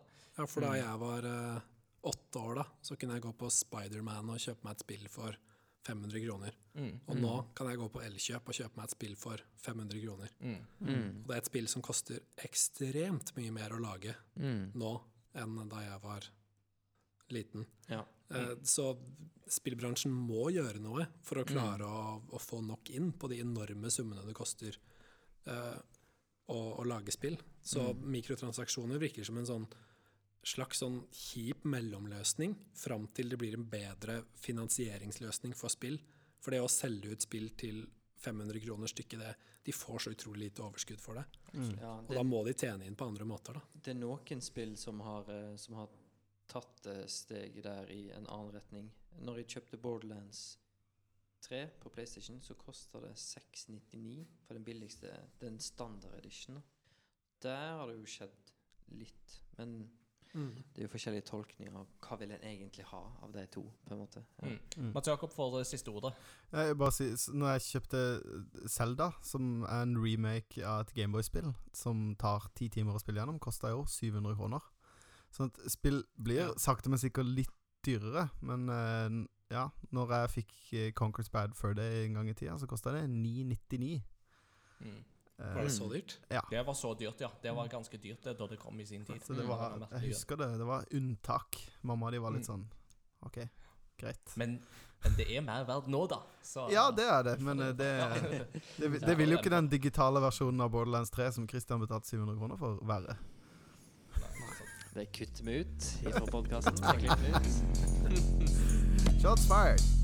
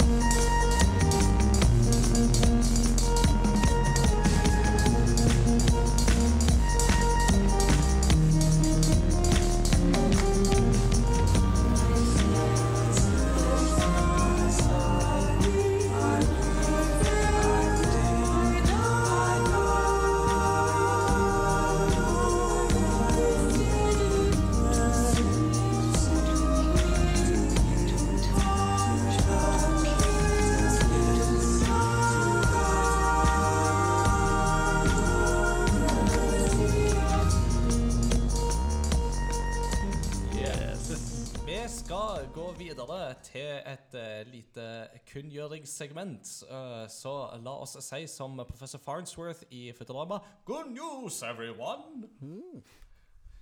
Først av alt, eh, PlayStation 5 har eh, fått litt mer detaljer. Den kommer Holiday 2020, altså jul 2020. Eh, vi har ikke fått så mye pris og sånt ennå, men litt mer sånn smådetaljer har vi fått. Blant annet om uh, raytracing vil den ha, SSD har vi jo kjent det tidligere.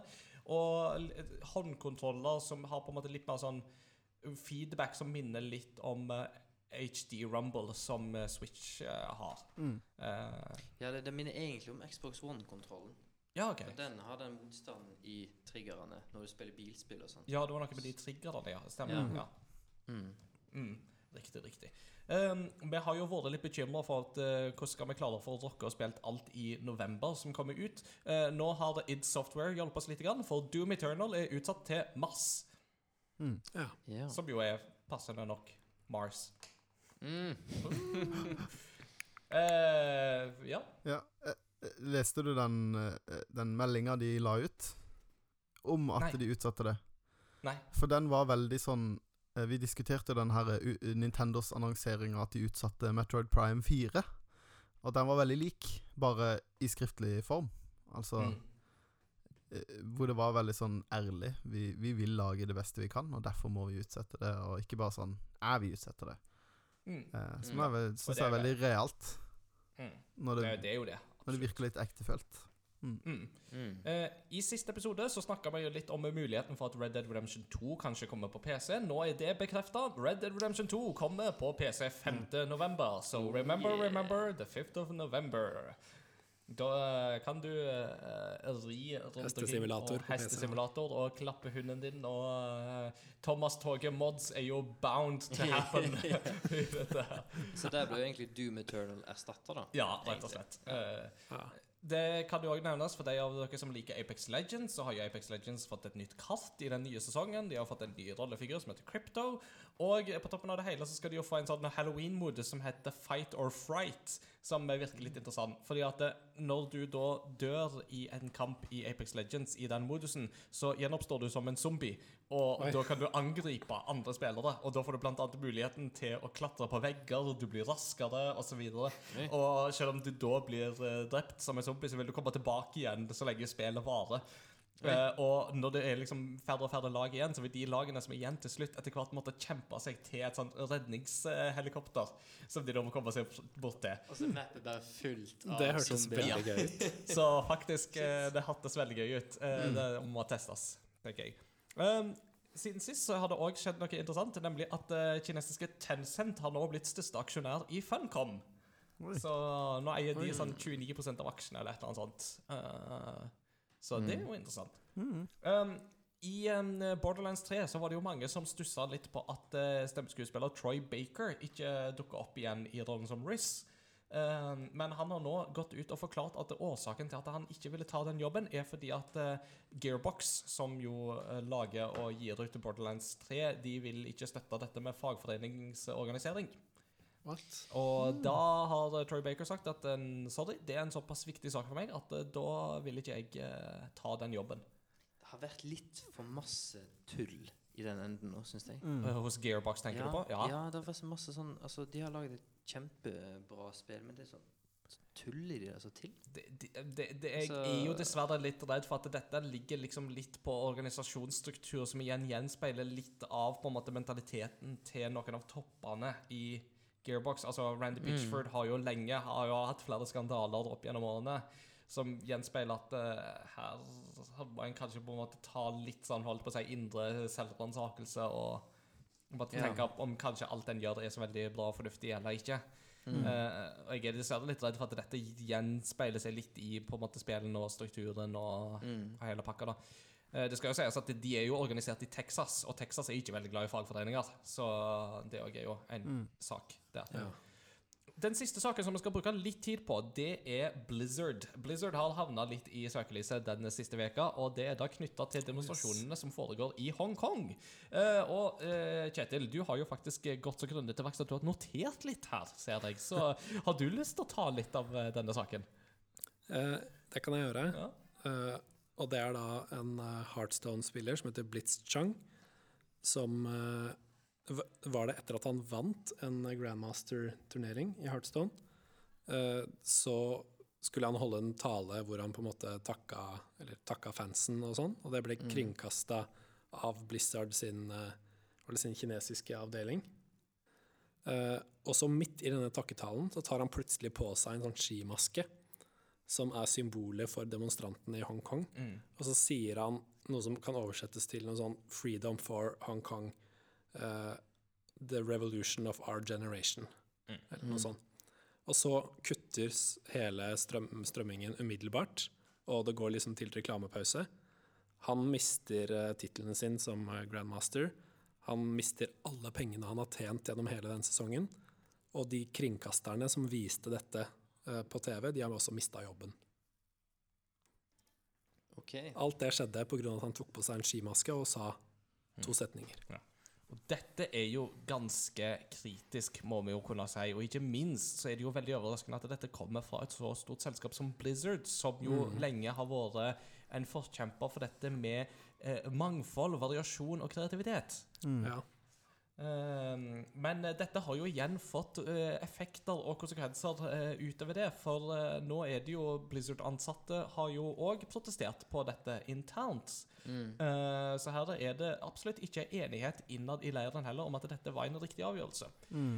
Litt av grunnen til at avgjørelsen ble tatt, var jo litt av dette her med at eh, disse som strømmer Heartstone, eh, har jo noen sånne guidelines som de skal gå etter. Og dette med på en måte eh, politiske spørsmål og sånne ting er jo noe de i utgangspunktet skal holde seg eh, unna. Eh, men den klausulen i eh, eh, regelboka er litt vag. Og det er dermed ikke så lett å på en måte si hva Blizzard vil på en måte avgjøre som på en måte politikk og ikke. Eh, og det bringer oss jo litt inn i dette spørsmålet. Jeg holdt på å si, Can politics be Altså, noen sier jo 'keep politics out of video games', men denne saken viser at det er slett ikke så lett som eh, det en skulle tro. Nei, Mm. men, men eh, med tanke på at Var det her i Kina òg? Den Ja, turneringen? Jeg, jeg tror det. Ja, for kan det ha vært Altså Kan det ha vært at det er den kinesiske avdelingen som har gjort det her, og så har ikke hovedkontoret til Blizzard eh, uttalt seg ennå? Ja, det at de fikk sparken, det tror jeg har kommet fra Ja. høyeste hold. Ja, men jeg bare tenker på det at det blir kutta live og hele den prosessen der. Det skjer jo såpass kjapt at det må jo være lokalt, på en måte. Mm. Har du noe innspill der, Mats Jakob? Nei, eh, ja, mitt inntrykk er også at dette er litt sånn lokalt til Kina. Eh, det, eh, men eh, eh, Hva skal jeg si? Jo, jeg skulle, jeg skulle ja, ja, jeg skulle egentlig si noe, si noe, eh, si noe som eh, var relatert til det, men ikke akkurat det du snakker om nå. Men eh, Nei, men kan jeg bare fullføre? Ja, ja, den absolutt, første? ja. For, eh, bare for å liksom ha det rene på det rene her, hvis vi klarer å strukturere eh, selskapet riktig, eh, eier Tencent masse hos Blizzard? De eier 5% 5 Ok. så det er ikke mye. Eh, og det som Så det er ikke en kinesisk makt her som kan påvirke Blizzard? Nei, i i utgangspunktet ikke. Men det som jo er greia, er jo det at Blizzard har jo veldig mange spillere i Kina. Og det å da miste muligheten for å kunne kringkaste sine spill i Kina, er noe som vil oppleves som et stort, alvorlig tap for Blizzard. Mm. Og de vil jo da ikke sjanse på at kinesiske myndigheter gir et press på deg ja, om Ja. at eh, spillet skal på en måte bli sensurert vekk fra kinesisk hold. Noe Ja. som da gjør at når denne spilleren blir utelukka, så er ikke det en avgjørelse som Blizzard protesterer på skjer. Mm. Det vil si at Blizzard sitter egentlig og mer eller mindre Enten så er de stille i denne saken, eller så bifaller de i at denne saken faktisk finner sted. F.eks. da med at han mister pengepremier som han allerede har vunnet. Eh, og dette er jo Mm. da ting som får folk til å reagere, inkludert uh, amerikanske politikere, som jo da Mm. faktisk går hen og blir veldig provosert av at kinesiske sensurregler legger føringer for et fritt amerikansk selskap, fordi dette amerikanske selskapet i korte trekk er redd for å tape penger. Mm, mm. Mm. Det er jo det vi snakka om det her i stad, at eh, eh, det er ikke ofte i USA i dag at de to polene i det politiske USA er enige om Ja. en ting. Altså det man kaller for sånn bipartisanship. Mm. At både demokratene og republikanerne faktisk er enige om noe. Mm. Uh, og det var, eh, det var en artikkel der de hadde tweets fra både en republikansk senator og en demokratisk senator, hvor Mm. begge to langer ut mot Blizzard. Mm. Og da er det ganske tydelig at de langer ut mot Blizzard sitt hovedkontor i USA, Mm. og sier Ja, at de gjør knefall for Jeg kan sitere her fra Ron Wyden, som er Mm. en senator. Blizzard shows it's, it is willing to humiliate itself to please the Chinese Communist Party. Ja. Og det er jo veldig tydelig budskap, da. Mm. Mm. Så um, det blir en veldig spennende sak å følge på med, med på videre framover òg. Blizzard eh, um, er ikke sånn veldig høy kurs akkurat eh, nå på dette, så det er veldig spennende å se hvordan eh, saken vil eh, fortone seg videre. Nei, det jeg skulle si var Som jeg ville legge til, var at eh, Som jeg leste nå rett før vi gikk på, at eh, At eh, folk har jo prøvd å boikotte Blizzard med å deaktivere kontoene sine. Eh, og Blizzard har da på en måte gjort sånn at det fins tydeligvis flere måter å deaktivere en Blizzard-konto på. Men akkurat nå per i skrivende stund så er det ikke mulig å deaktivere Blizzard-kontoen din. Så Blizzard har på en måte Jeg tror det Jeg, jeg, jeg fant den samme nyheten i dag, Ja, og der er det mye fram og tilbake om det er et falskt rykte, eller om det faktisk er sant. ja OK. Ja, det er jo, Da kan du mer om det eh, med. Nei, det er det. Jeg leste det samme Ja. selv og tenkte det var da veldig Ja, det Det er jo virkelig å skyte seg selv i foten. Ja, jeg syns det var veldig voldsomt. Men jeg, det kan jo være en, noen som har på en måte satt ut det ryktet, så det, Absolutt. det var visst ikke bekreftet, iallfall. Altså Det som jeg tror har skjedd der, er at det er det samme som med WoW Classic. At det er så stor pågang til å komme seg Ja, ut. ja, det det at du står i kø i åtte timer for å få kansellert uh, ja. Ja, det høres virkelig ut som Blizzard sin policy, i hvert fall. Det, høres det, er, det er jo ikke akkurat noe bedre for Blizzard det, at det er liksom Å ja, det er åtte timer kø for å logge av. Ja, det, det tror jeg nok var mer eh, ja, ja, tilfellet. Mm. Og ikke minst eh, bare det som også skjedde i går, eller forrige års, Mm. det var at hele subredditen Blizzard eh, slutta å funke. Mm. Fordi det, trafikk. For det var så høyt trykk av Ja. meldinger. At, og det er ikke ofte Reddit har jo, de er jo store servere. Mm, mm. Men at en subreddit rett og slett går ut av funksjon fordi det er for sterkt trykk. Hmm. Så det var så mange sinte meldinger. Mm. Og det var en, en ting som er veldig viktig å få sagt der, det er det at det er veldig mange Blizzard-ansatte som har opplevd øh, trusler og rett og slett hatkriminalitet mot seg etter at denne nyheten kom ut. Mm. Og det tenker jeg uansett er en uting. Det er vi jo helt enige om er en uting. Det, Ja. Det er jo egentlig veldig ironisk med tanke på det du, Ingar, nevnte, at Blizzard-ansatte òg har demonstrert Ja. mot det Ja, her. de, skal få, de har jo ikke skylden for Nei, hva liksom, the corporate de- overlords Nei, driver det Nei, de viser at de er enige, egentlig. Og det er jo helt klart dette her er jo det at det her er det jo aksjonærene som til syvende og sist sitter med makten. ikke sant? Og for aksjonærene så er det jo pengeinntekten som har en stor vekst. overordna betydning. Eh, NBA har jo hatt noen sånne lignende tilfeller i USA, altså der de har på en måte tekkas kinesiske eh, styringsregler fordi de vet at det å sende NBA-kamper til Kina det genererer vanvittig mye inntekt for dem. Eh, så Ja, ikke sant. Nei, så det er en del sånne saker ute og går, og det er eh, For det frie demokratiske uttrykk så er det jo bekymringsverdig hvis kinesiske sensurregler får lov å legge føringer på hvordan man framstiller Eller hva man kan på en måte formidle i kulturuttrykk eller Ja, ikke i vår egen kontekst. Ja, og økonomisk vekst har jo vist seg å være en trussel for klima. Det er en helt annen debatt, Ja. men tydeligvis òg noe trussel for ytringsfrihet. Mm. Mm. Så det er mange ting vi kan snakke om der. Men jeg tror at eh, i denne omgang så må vi avslutte nyhetssegmentet nå. Vi får heller Mm. ta et dybdeintervju eh, ved en senere anledning. Mm. Vi tar en eh, liten pause, og så er vi tilbake igjen eh, straks med del to.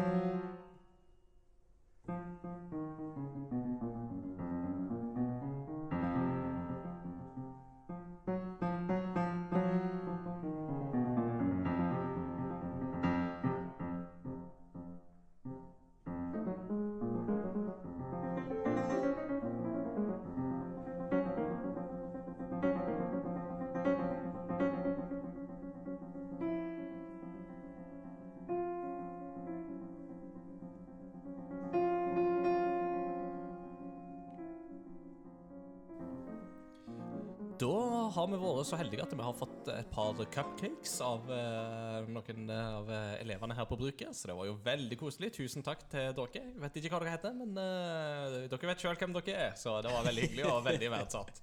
Jeg vet ikke om de hører på podkasten, Christian. Det tror jeg du har bedre koll på enn meg. Men hvis de ikke gjør det, så syns jeg at du må få dem til å begynne med det. En av de høyre. Ah, det er gull. Det er bra. Det var digg. Yes. Dagens tema i dag så har vi tenkt å snakke om noe så Det blir kanskje litt nisje for noen, men uh, vi syns det er litt interessant å snakke om. Men uh, dette med presterollen i dataspill Ikke skru av podkasten. Det her er spennende. Stick with me, the story gets better. Nei da. Crossover Gaming er jo en spillpodkast med et uh, teologisk kristent uh, under... eh, eller holdt på å si un- un- Undercurrent. er Underbygging. Ja. det. Eh, og i den forbindelse, Kjetil, så passet det jo veldig godt at du var i Oslo denne veka her, for da fant vi ut Ja. at uh, da hadde vi lyst til å invitere deg um, og komme og snakke litt om uh, denne tematikken. Um, Og litt av grunnen til at vi har invitert deg med på det, er jo også fordi at du gamer jo, det tror jeg jo folk har skjønt. Ja. Men i likhet med meg så har du en teologiutdannelse i bakgrunnen, og du, til daglig så jobber du som prest. Så um, hvis du vil på en måte ta oss med på veien til prestetjeneste, eh, som jeg jo vet er et opplegg som heter eh, Men altså, la, ta oss litt med gjennom på en måte din vandring fra på en måte dine første steg og til liksom der du er i dag, da. Det kan jeg gjøre. Hva skal jeg plukke ut nå, tenker han. Ja, det er det jeg tenker. Det er mange versjoner av denne historien. For det er noe som er veldig populært, sikkert på flere studier der du skal jobbe med mennesker. Mm. Det er det at man har flere sånne refleksjonsgrupper gjennom studiet, Mm. der man sitter og, med en kopp kaffe i hånda og forteller sine historier Ja. Uh, om ja, hvor, hvorfor man har kommet dit man er, og hva man tenker videre. Så jeg har fortalt denne historien mange ganger, men jeg vet aldri helt hvor jeg skal begynne. Men jeg kan vel si det at jeg har um, vært veldig mye fram og tilbake om, om prest var noe jeg kunne være eller hadde lyst til å bli. Um, og da jeg begynte å studere teologi i 2010, uh, så var det mest med tanke på å bli lærer. At jeg tok et år kristendom, og, eller uh, kristendom grunnfag, for å, for å bruke det i, til å bli lærer. Og da hadde jeg egentlig spansk og engelsk som jeg hadde blinka ut som hovedfag, men med et, et år kristendom, da. Donde está la biblioteca? Ja, jeg er veldig glad i spansk, da. Men jeg skal ikke utsette dere for, eh, for spansk da. Eh, Men så, etter jeg tok det året på MF, som altså står for Menighetsfakultetet, mm. det ligger på Majorstua her i Oslo, så klarte jeg ikke å slutte. Fordi det var så mange spennende spørsmål som ble tatt opp i teologistudiet. Eh, og jeg merka at jeg selv hadde på det tidspunktet et veldig anstrengt forhold til Bibelen og kristendommen. At jeg merka at det var noe sånn uforløst der. da. At jeg måtte dykke litt ned i det for å Det ble en måte å jobbe med min egen fortid på. Eh, så jeg ble hekta, går det vel an å si. Eh, at jeg ville stadig dykke lenger ned i de spørsmålene som er knytta til ja, hvorfor er vi her, finnes det en gud, Eh, hva var greia med Jesus? Eh, og så, mm, ja Etter hvert så begynte jeg å tenke over det å bli prest. For der kunne jeg fortsette å jobbe med disse eksistensielle spørsmålene og hva skal jeg si, følge andre mennesker um, gjennom det. Mm. Og det syns jeg er noe av det fineste med å være prest. Det er det å møte, møte mennesker, enten det er eh, barn, ungdommer, konfirmanter, eh, foreldre som skal døpe barna sine, de som skal gifte seg, og de som har mista noen og skal ha gravferd. Og alle disse menneskene er, er jo på vei, og på en måte Dette er jo Jeg møter jo mennesker i tider i livet der de det er noe, noe som er veldig bra eller veldig vondt, ofte. Eller konfirmantene som er bare De er der fordi de må. Det er en fantastisk gjeng å være sammen med. De er 14 år.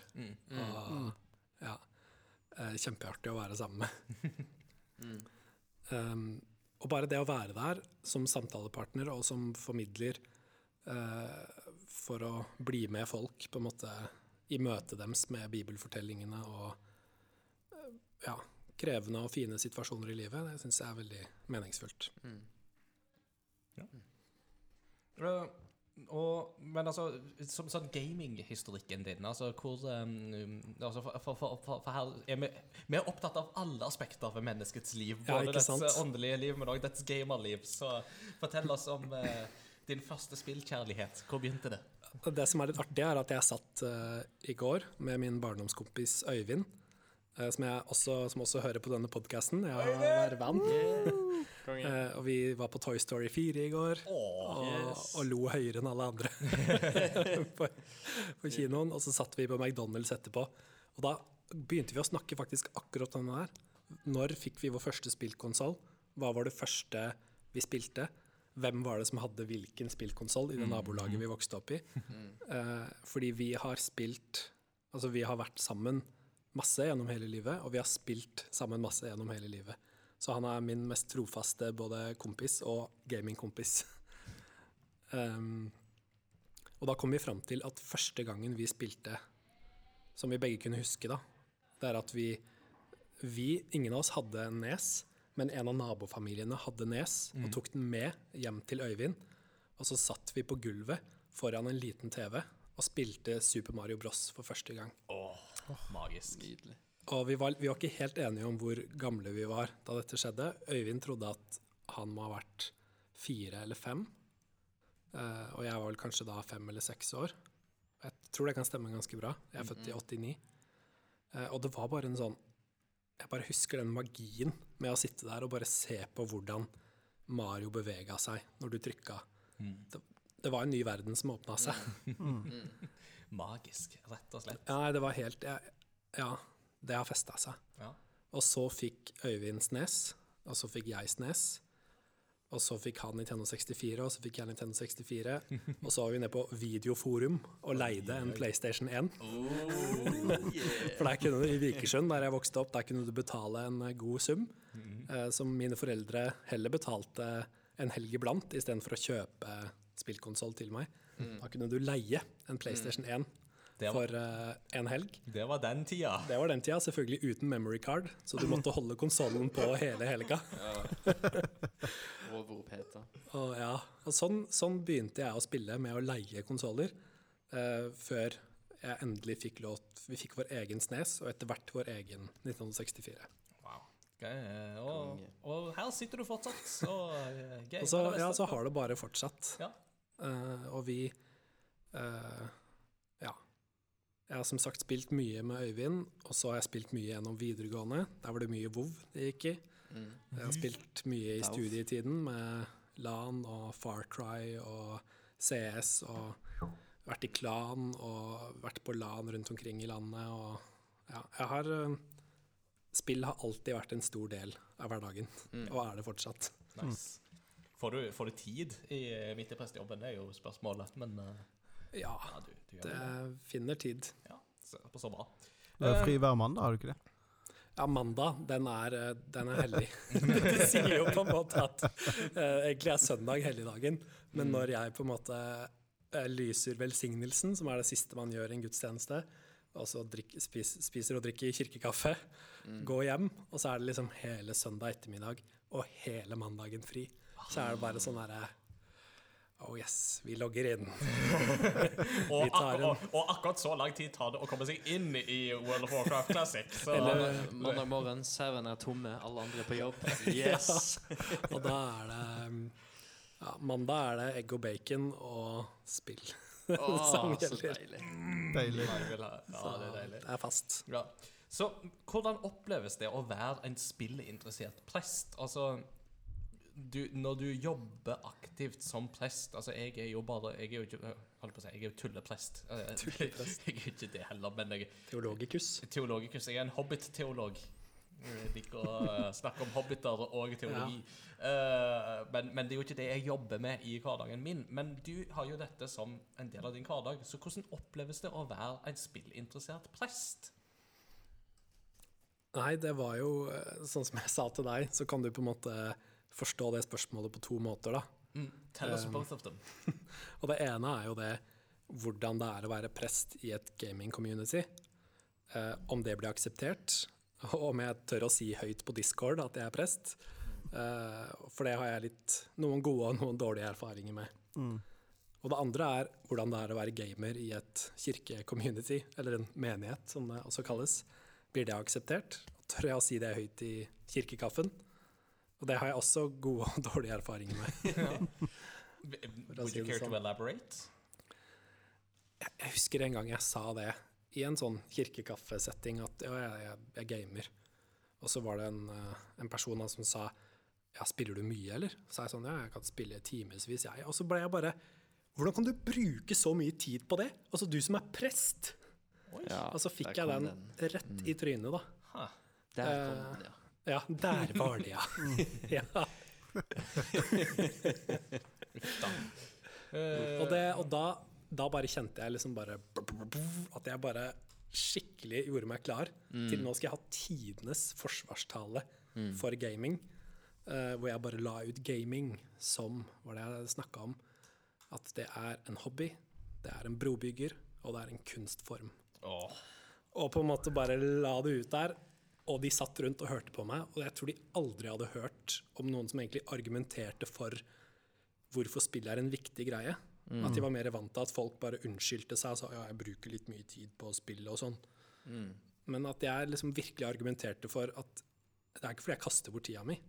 Jeg investerer Mm. i gaming. Ja. Og ja. Så blei det en fin samtale. Mm. Fordi hun, hun var så spiss mot meg, så kunne jeg være ganske spiss tilbake. Mm. Og da så ble det til en fin samtale. Så in- interessant å høre. Mm. Og det førte jo til da at jeg eh, ble invitert til å snakke om gaming på en sånn der samtalekveld i menigheten. Så det skal jeg gjøre nå i slutten av oktober. Ja, så interessant, da. Eh, Ikke så ulikt det vi skal om, en vek, ei, om akkurat ei uke. Ja, ikke Ja, sant? ikke Vi må jo nesten plugge den eh, da, siden det passer akkurat nå. Men Mm. eh, 17. oktober så skal jo jeg og Kristian eh, være med på en fagdag ved NLA Mediehøgskolen Gimlekollen og snakke litt om dette med gaming ut fra litt forskjellige perspektiver. Jeg skal snakke om dette med eh, holdninger og verdier i populære spill, og Kristian skal snakke om dette med hvorfor det å drive en gaminglinje på ei bibelskole er en god idé. Eh, og dette er en samling som er åpen for uh, folk flest, så det er bare å melde seg på og bli med.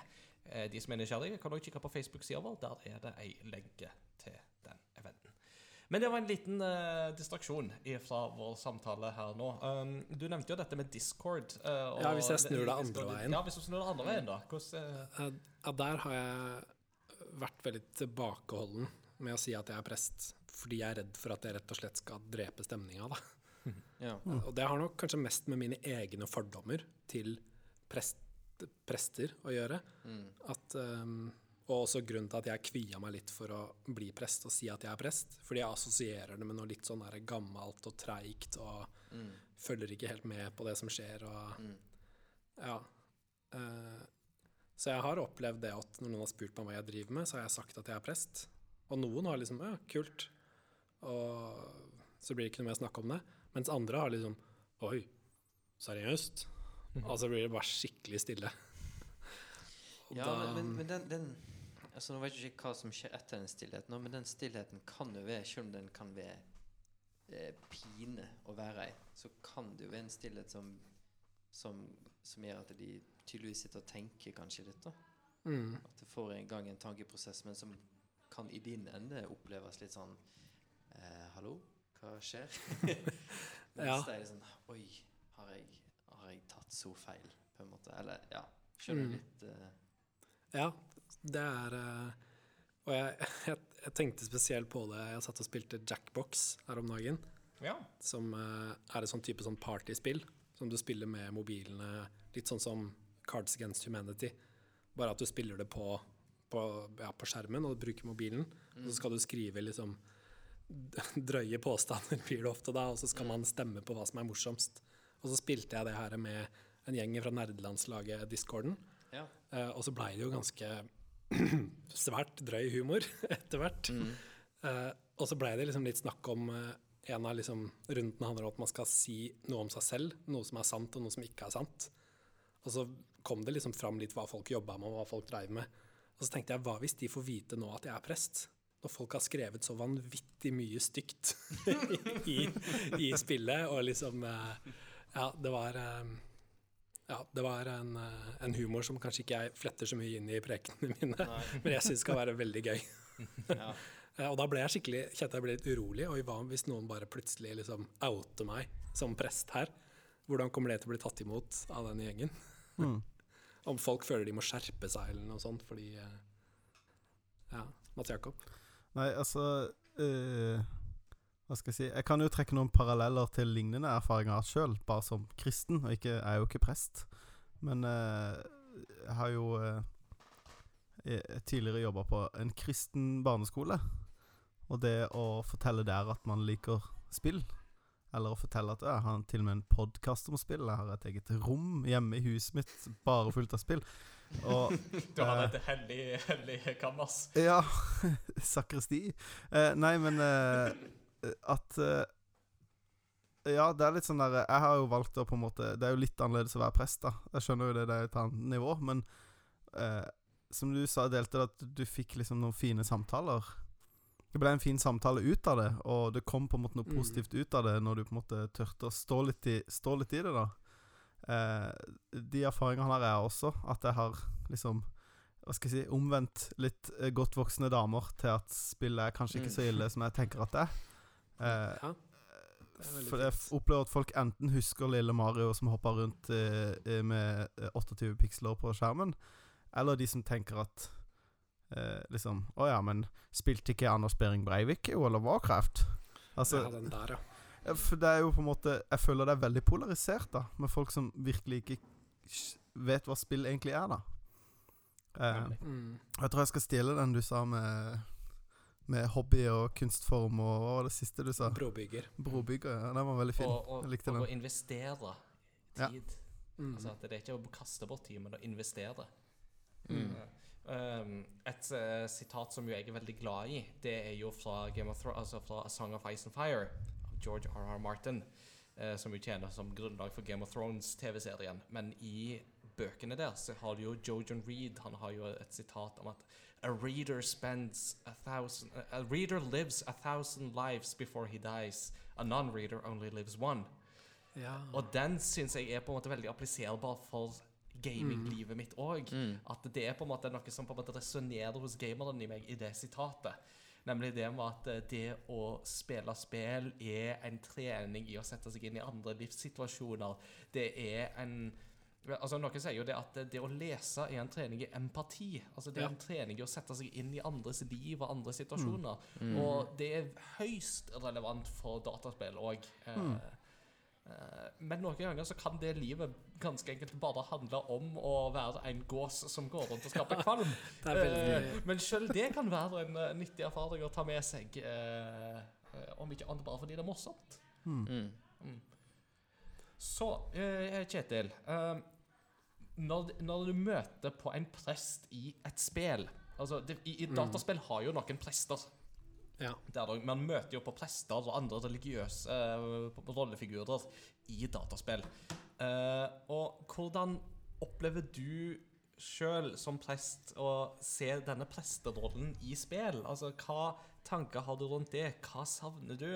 Eh, hva føler du kanskje ikke treffer så godt? Og hva føler du enda mer eh, Er det noe som treffer i det hele tatt? Ja. Jeg, de prestene jeg har sett i spill, det er litt Det er tilsvarer eh, i stor grad de prestene jeg har sett i filmer. I hvert fall mange, mange filmer. eh, Hvor for det første så ligner nok de prestene mest på katolske prester. Mm. Um, som er naturlig, fordi den katolske kirken er jo det største kirkesamfunnet i verden, med over en milliard mennesker. Eh, men hvis jeg ser for meg på en måte prest i et spill, så er det en person som står i en kirke, som alltid har på seg sånn prestekjole eller liksom ja, presteklær, da. Og som snakker spesielt, kanskje snakker litt sakte, eh, snakker litt vanskelig så folk ikke forstår det. Og så er det jo så å si alltid en mann. Um, og gjerne en litt sånn gammeldags, sær type. Og det er veldig mange av de tingene som ikke stemmer med prester, eh, prester i dag. Mm. Um, så det har på en måte Ja, jeg kjenner jo um, Jeg kjenner jo ganske mange prester, naturlig nok. Og de er ikke gamle menn som snakker rart og alltid går i kjole og um, er litt treige, på en måte. Så det er jo, dette er en karikatur, da, men det er ofte uh, Ja, presten i spill er kanskje den som på en måte som forvalter hemmelighetene, eller er i et liksom, bibliotek, eller eh, den du kanskje går og Sånn vis og kunnskap. Ja, litt sånn The Sage. Ja. Ja. Men så, har, sånn. mm, men så har du òg sånne ekstremtilfeller, sånn som f.eks. Bloodborne eller Final Fantasy Ja. 10, der du har på en måte presteskapet er jo mer holdt på å si, roten til det onde som skjer i denne konteksten. Eh, Og dette snakka vi om fordi vi kom over en, altså Ingar og jeg, at vi kom over en masteroppgave som var eh, eh, Som handler om det, presteskap Mm. i Bloodborne og Final Fantasy 10. Hvor eh, kirken, religionen og prester fremstilles ganske destruktivt. da. Som noen som misbruker sin eh, åndelige innflytelse til å utøve makt og trykke andre mennesker ned. Iallfall fall i Final Fantasy 10, da. Mm. I Bloodborne er det mer at de blir korrupt og forfaller og blir til zombier, og da er det jo litt, eh, litt mer brutalt. Men det er iallfall ikke noe lyst bilde av kirken eller eh, prest, prester, da. Nei. Mm. og så, men, men som du sier, ikke sant, her er det jo noe som på en måte resonnerer òg med på en måte det inntrykket vi hadde fra filmer og sånt òg, da. Så. Bare, eh, det, den presten som eh, dukker opp i mitt hode, det er for det første så er det Age of Empires 2. Som omvender soldater. Jeg tenker at Skal det jeg er konvertere deg? Ja, ja, det jeg synes det er veldig herlig. Ja, ikke sant? Konvertere bygninger. Jeg syns det er veldig festlig. Det gjør jeg hele tiden. Ja. ja, det er denne Rema 1000. Nei, Og det altså nærmeste jeg Men, eh, Now give me a 15% discount! ja. men jeg tenker også på og, eh, Jeg forbinder også prester i spill med, med eh, å lagre. Kanskje Ja, i hovedsak, Dragon Quest. hovedsakelig pga. Dragon Quest, ja. At du må i kirka for å save. Ja, og det er veldig sånn uh, Det jeg liker med det, da eller, Det syns jeg er litt herlig med det, er at det er liksom Du drar dit for å på en måte eh, lagre, for å på en måte slappe av. Når du våkner, så våk Du sover på en måte, du, du får liksom hvile, da. Mm. Eh, det syns jeg er litt sånn Det er jo et, det er et veldig fint bilde, egentlig, på liksom Det- Fra der, og er der er det på en måte trygt. Det er nesten noe Matteus 11 over det. Kom til meg, og jeg vil gi dere hvile. Ikke sant? Altså, det, Men Og der, der er det vel også kvinner som Ja. er uh, prester. så og det skal jo bra. på en måte ikke være kir kristen kirke heller, på en måte. Det er jo Nei, en eller annen er vel, religion, men det eh, er jo det er, Som du sier, det er, den stereotypen er du beskrev, den er jo veldig lik, da. veldig likt. Og med en gang du har på en måte trykka at ja, jeg ønsker absolutt å lagre, så kommer den der du, du, du, du, du, Ja. du, du, Og så heter de tingene du kan gjøre, heter jo sånn confession, Divination. resurrection, divination. Ja. Alt har jo veldig sånn eh, teologiske eller Ja. Eh, kirkelige navn, da. Så det er jo morsomt. Jeg prøvde å tenke, komme liksom på hva jeg tenker rundt det, det her er liksom prest i spill. Jeg tror det må bli eh, magi. Mm. Altså ja. gamle RPG-spill hvor Mm. priest var en class du kunne være, og da har du Da kan du kun bruke eh, cloth armor, eh, ha stav og kan magi. Mm. Det, Ja. Mana er viktig. Liksom. Ja, ja. Um, ja, jeg, jeg begynte òg å tenke litt på Det er jo ikke prest direkte, da, men uh, Og jeg skal prøve, uten å spoile så mye, men, men for de som har hørt en del om Om eh, historien i Red Dead Redemption på en ikke-spoila måte, så er det snakka om en benkscene Mm. i spillet. Og det, det er jo ikke en prest, men det det er nonner, da. Så det er jo Mm. et, kirkesamfunn. Men da er det eh, Da er det en nonne som du kan, hvis du har gjort visse handlinger i spillet, ha en scene med den nonna der, hvor hun har en sånn det er, nesten, det er jo en dialog, men det er nesten en slags monolog òg, hvor du liksom snakker rett inn i hjerteroten og margen og beina på, Mm. på, eh, på en karakter. da Mm. som er mm, igjen tilbake litt til den der, eh, denne visdommen Ja. som disse mm, religiøse karakterene har i spillet. Mm. Men det er en ganske varm og fin scene, det der. da så Det er et Veldig. veldig sterkt øyeblikk i eh, Red Dead Revolution Redemption 2. eh, Mm. Så og det, og, det jo og det er ikke nødvendigvis en scene som alle vil støte på heller. Eh, Nei. og det er jo det som gjør det litt sånn interessant. Det er på en Mm. måte Det er litt avhengig av dine valg og hvem du må ha møtt og diverse sånne ting. Men det er Mm. definitivt en scene som sitter igjen hvis du har på en måte gått litt igjennom det. Og det er jo Ja. Da er det plutselig Mm. en snakk om sjelesorg, egentlig, nesten. egentlig så er det jo det, ikke sant? Mm, Altså, mm. her, eh, men altså, i på en måte en kristen kontekst så kan man jo snakke om dette her med kropp, sjel og ånd. ikke sant? Mm. Og at uh, det kroppslige, så går du til legen på liksom det uh, kjedelige plan, eller, eller på, på liksom psyken, så går du jo til psykolog. Mens er det da på en måte mer det som på en måte trøbler deg med holdt på å si, din samvittighet, eller Mm. sånne ting, så, så er jo sjelesorg eh, en god kontekst å snakke om det.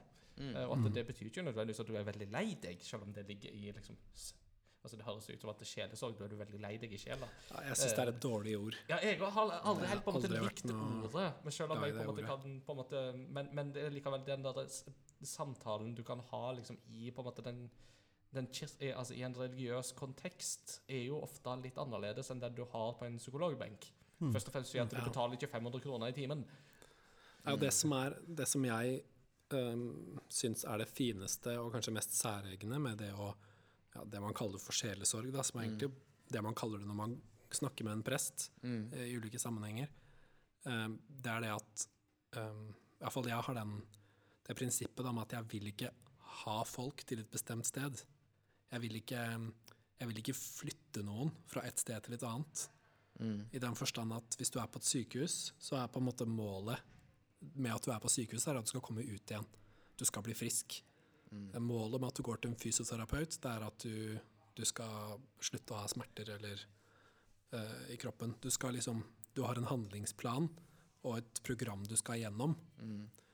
Uh, men jeg tenker det at det å snakke med en prest, det er Da er du der du er. Mm. Og det er en av de fineste bøkene jeg syns er skrevet om det å snakke med andre som prest. Den heter det, 'Å være der du er'. Ja. Ja. Um, så jeg tenker det er på en måte det At jeg vil ikke Jeg vil ikke påvirke for mye. Jeg vil bare prøve å leve meg inn i livet til det mennesket som møter meg, og, og ta utgangspunkt i det. Og, og at jeg skal ikke ha noen agenda, for å si det sånn. Med at nå skal jeg få det mennesket her til å tro på det, eller til å tenke det. Mm. Uh, Så skal jeg få deg til å gi masse avlat. Ja, ja altså, jeg, jeg vil bare eh, bli med dem der de er, og så gå et, ja, gå et stykke sammen, da. Mm. Mm. Og det, det, det er det relasjonelle som står i fokus her. Ja, det er en veldig viktig del av det å være prest. Ja. Men eh, vi snakket jo liksom om noe om prester i spill, Ja, og eh, du eh, spiller jo Vav en det gjør jeg. Spiller du Priest? Eh, nei, jeg spiller Warlock. Spiller Warlock? Nei, det er det omvendte av en Priest! Så jeg driver og, og kaller fram sånne demoner fra underverden og Ja, men Går ikke det veldig godt overens med prester? Det er ikke det sånn, holdt jeg på å si, en sånn fordom mot prester at i det mørke og det skjulte så holder de egentlig på med sånne onde kunster og sånne ting. Så det er bare sånn You're just living Det, er bare holdt på å si, another day at the priest's uh, everyday life. Ja, det er litt, eh, det er litt sånt. Ja, nei da. Men, eh, men hvis vi skal snakke om eh, helt til slutt Hvis du vil trekke fram en presterolle i et spill som du på en måte følte resonnerte med deg, eller som du liker, er det noe du vil trekke fram der? Ja, da må jeg nok trekke fram et av mine favorittspill, kanskje min aller største favoritt gjennom tidene, og det er Den lengste reisen. Oi. Yes. Jeg har spilt gjennom det så mange ganger, og hver gang jeg har spilt gjennom det, har jeg oppdaga noe nytt. Og det er noe nytt i historien som har truffet meg, og på en måte ulike karakterer som har tiltalt meg på u- ulike måter. Da. Mm. Kult. Og, og der er det, møter du jo på flere prester, faktisk. Og en av de heter um, Minstrum Nei, Vestrum Tobias. Mm. Eh, og Vestrum, det er um, en slags prest. Det betyr at han er leder av eh, det man kaller for um, vekterorden. Som er um, Nå skal ikke jeg ta hele liksom, lauren rundt uh, Han er en vekter. den lengste reisen. Ja, Sentinel, som det heter på engelsk. Som igjen er et ord henta fra Bibelen, for Mm. øvrig.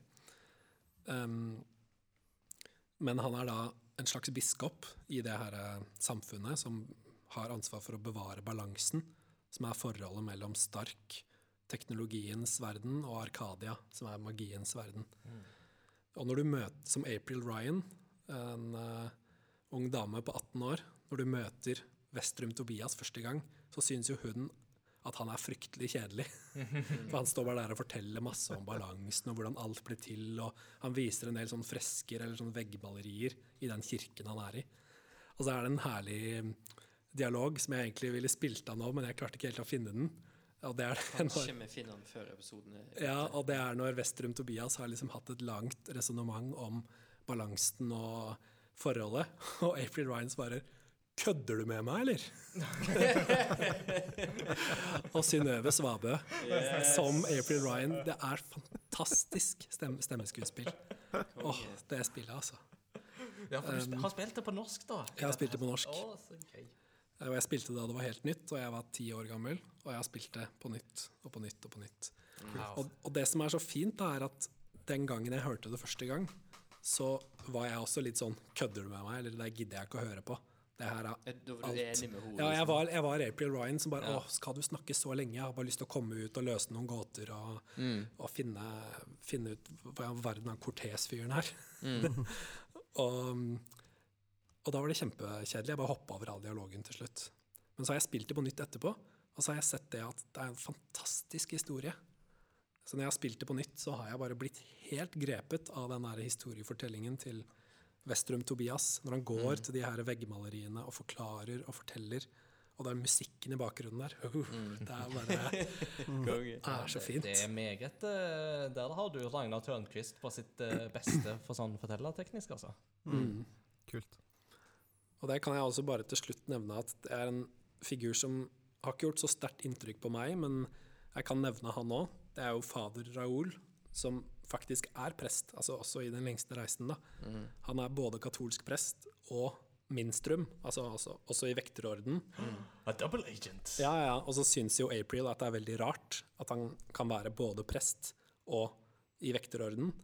Eh, og da sier han noe som er veldig fint, og det er det at eh, at det å oppdage balansen og at det er to verdener og hele det der mysteriet som avdekkes, det å oppdage det, det gjorde ikke at han mista troen på Bibelen og kristendommen, men det forsterka troen hans på Bibelen og kristendommen.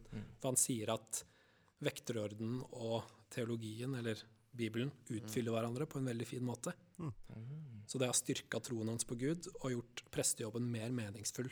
Det var også en av de, de, de dialogene jeg prøvde å finne, men jeg Ja. klarte ikke å finne den.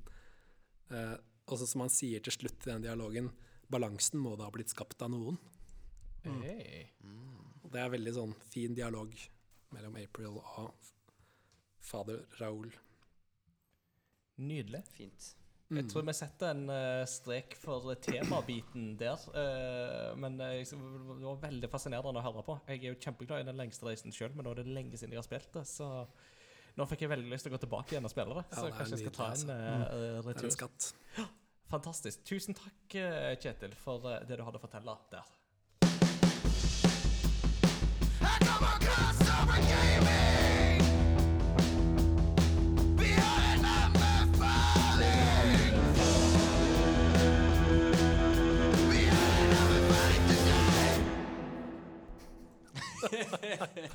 Eh, Jeg holdt på å dette av stolen første gang jeg hørte den jinglen der.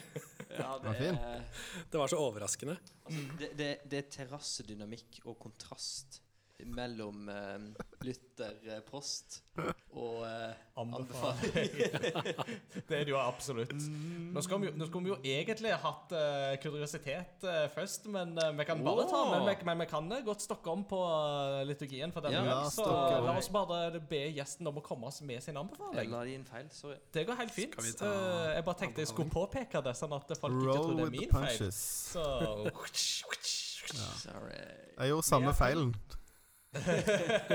Så da var det bare jeg da som hadde en tanke om at nå Jakob, komme kunst. han er Ja, ja.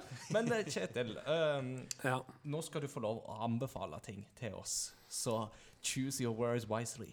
What Ja. do you recommend? Jeg, det første jeg kom på, det var den TV-serien som er, har gjort aller sterkest inntrykk på meg, og det er Six Feet Under. Oi. Ja. Er det, har dere sett den? Nei. Nei. Jeg tror jeg Men gikk på TV når jeg var Nå ble Bats Jakob uh, et, uh, Eh, men jeg kjenner jo til Ja. Jeg kjenner jo til um, Six Feet Under. Det var jo HBO-serie, Ja. HBO-serie sendt fra 2001 til uh, Det var rundt samme tiden som Sopranos, sånn Mm. starten av 2000-tallet. Ja. Og den serien, den Ja, den er så fantastisk. Den tar opp så mange fine temaer. Og den har Det handler jo om en familie, familien Fisher, som bor i et stort hus og driver det man kaller for funeral home. Altså et begravelsesbyrå med utgangspunkt i huset sitt. da. Um, så de har på en måte både seremoniene og balsameringen og alt liksom som skjer med kroppene, og alt skjer i huset. Så det er på en måte en veldig sånn kontrast mellom det, den kjelleren der liksom kroppene blir gjort klar, og det veldig idylliske seremonirommet oppe, hvor de har på en måte gravferden eller minnestundene. da. Og så Den familien her er så sammensatt uh, og så rar og uh, herlig. Og så er det, Jeg har også sett det her flere ganger, og det er på en måte forskjellige karakterer jeg kjenner meg igjen i. da.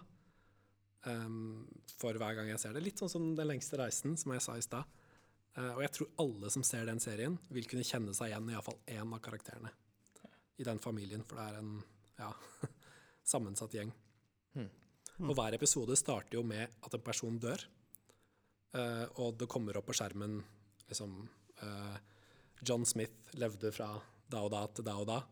Og så handler episoden om at de skal lage begravelsen til det mennesket. da. Og da får du vite ganske mye om deres eh, liv og deres oppturer og nedturer. Og et hovedtema for serien er jo dette med sorg og død, som er ganske mørke temaer. Men det er mye svart humor inni det her, som gjør at de på en måte til, nærmer seg disse temaene på en veldig befriende måte. da. Ja. Spennende. Det blir ikke for tungt og Nei, det blir ikke det. Det liksom. blir liksom bare absurd og morsomt. Og til tider veldig, veldig, veldig fint og sterkt. Eh, og da jeg starta som prest eh, og skulle ha min første begravelse, så merka jeg at det hjalp skikkelig at jeg hadde sett Six Feet Under. Jeg, jeg tenker at det her burde vært pensum på prestestudiet. Eh, og for den, ja, for den tar opp dette med hvordan mennesker sørger forskjellig. eh, og hvordan mennesker har hver sin vei gjennom livet. Og har hver sin jobb, identitet, tro og legning og psykiske vansker. Og alle de tingene som på en måte gjør oss forskjellige, da. Mm. Og bare hva skal jeg si, menneskesynet i den serien er så fint. da. Måten enkeltmennesker blir løfta fram på. Ja. Nice. Ligger på HBO Nordic. Mm. Det vil kanskje, du, hvis du ser den nå, så ser du kanskje at bildet er ikke like skarpt som det er i serier nå. Det ser litt sånn kornete ut i starten. Når du venner deg til det, så er det Men, men, det- men, det, men det går fint, for det ligger på HBO Nordic, og der ser alt kornet ut. Six Ja. feet under, altså. six feet under. Ja. mm. Så ja, det var det du hadde å anbringe bringe til oss. I dag. Ja, Så bra. Tusen takk. Jeg eh, kjenner jo til serien, men eh, har ennå ikke somla meg til å se det. Men nå fikk jeg veldig lyst, så takk skal du ha. For dette er en Hebereke pachinko-kontroller til Super Nintendo. It's curiosity. What are you gonna show to me? It's curiosity. What I need to know. It's curiosity. What are you gonna show to me? I haven't even heard of it. What a neat thing to know. It's a great part of the show. Yeah! Altså, jeg jeg syns den eineren i bassrommet passer. Jeg, eh, Ja, det, det er sikkert ikke passer med noe annerledes enn sånn som det var intent. Men jeg, jeg er litt skuffa over at ikke du fjerna At du fjerna James Brown-ropet mitt i begynnelsen. Den begynner egentlig sånn Men uh, mens vi er inne på eh, det tekniske her, da. Hot tips fra teknikeren. Du må gaine ned mikken din litt. For at det, var, det var bare så vrengt at liksom bare jeg, klarte ikke å plassere det i miksen. Jeg, jeg, kom endelig, jeg kom endelig på hva feeling det jeg har hatt når jeg hørte den. Men jeg får litt sånne Oceans Eleven-vibes når jeg hører yeah. den eh, grooven og sånn. Så det er veldig Liker det. Må jo da Ja, for der jeg ville, ville spørre at det første jeg tenkte på da jeg hørte den, det var 'Slå på ring' og Erlend og Steino. Har du henta inspirasjon fra på ingen måte Nei. For det var så snytt ut av nesa på Erlend og Steino. Ja. Men eh, Det er veldig vittig. Det, det er jo den andre jinglen jeg har lagd, og begge jinglene har egentlig bare begynt med at jeg har sittet og spilt trommer. ja. Så det var helt tilfeldig at det ble en jingle. Men eh, må gi en shout-out til eh, Simon, som spiller bass. For Simon! Simon! Simon Andreas, det bibelske navnet. Uh, han Simon eh, Andreas! Han eh, Jeg kan jo ikke spille bass, så det, det ga litt ekstra krydder å få en som faktisk kan spille. Det er skikkelig smooth. Ja. Mm.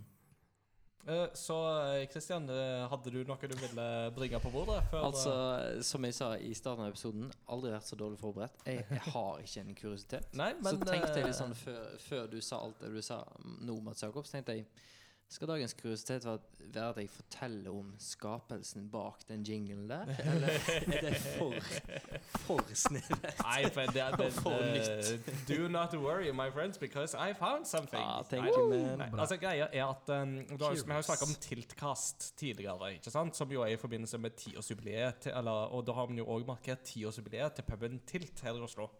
Um, og En annen ting de har gjort for å markere det, var at de hadde spillquiz med Magnus og Jon Cato. Det har de jo en gang i måneden. Men det som var spesielt nå på tirsdag, som var, var at eh, da hadde de en sånn spesialquiz som gikk over fire omganger, istedenfor bare de to vanlige. Og da var det én omgang dedikert til hvert tiår. Så da var det en for 80-tallet, en for 90-tallet, 2000 og så 2010-tallet til slutt. Uh, pluss at uh, før quizen begynte, så måtte laget bestemme seg for hvilken omgang ville du helst få doble poeng for. Eh, Så før du visste på en måte spørsmål og svar, så måtte du si at ok, da vil jeg, vi er gode på 2000-tallet. Da vil vi ha doble poeng. Så um, hver omgang så fikk du i utgangspunktet like mange poeng, og så kunne du få dobbelt poengsum på den ene av omgangene i forkant. Eh, det interessante her er at etter, fem, eh, etter fire omganger, der du kan få 451 poeng i hver omgang, pluss dobbelt i en av de, så var det ett poeng som skilte første- og andreplassen. Oi! På 1733 poeng og 1734 poeng. Det var helt vilt å være vitne til. altså. Det var ganske sjukt, så det var utrolig festlig. Vi var ikke ett av de lagene. by the way. Eh, vi var nede på ni, Men eh, niende av 26.-plass, vi er veldig fornøyd med det. Særlig med tanke på at 80-tallet var veldig vanskelig. Men på en sånn quiz så lærer du jo et og annet. Og da var det et spørsmål for um, 2000-tallet, der vi dessverre bomma litt. Men det var da rett og slett et spill som heter Narbuckler Drop. Er dette en tittel som dere har hørt om? Narbuckler drop. Narbuckler Drop. Aldri hørt om. La oss det baklengs? Mm. eller? Nei? Greia Aldri er at hørt det- om det engang. Aldri hørt om engang. Kanskje jeg får en annen? Nei da, men altså, nå, da skal dere få høre. Narbuckler Drop var et uh, sånn college uh, Eller et spill utvikla av en gruppe med studenter uh, på DigiPen Institute of Technology, som ble gitt ut gratis i 2005 for Windows. Um, det spillet hadde nok ikke blitt huska hvis det ikke var for det faktum at Gabe Newell fatta interesse for dette spillet. Og Valve plukka opp dette spillet. For en kjernemekanikk i Narbuckler Drop var at man kunne skape portaler Yes. på ikke-metalliske overflater. Som da var knytta sammen, og som man kunne gå gjennom. Uh, gå gjennom én portal og komme ut den andre. Narbucular Drop og eh, gjengen som da utvikla det, ble da rett og slett plukka opp av Valve eh, og Gabe Newell. Og konseptet som danner kjernen for Narbuckler Drop, ble da senere til Portal.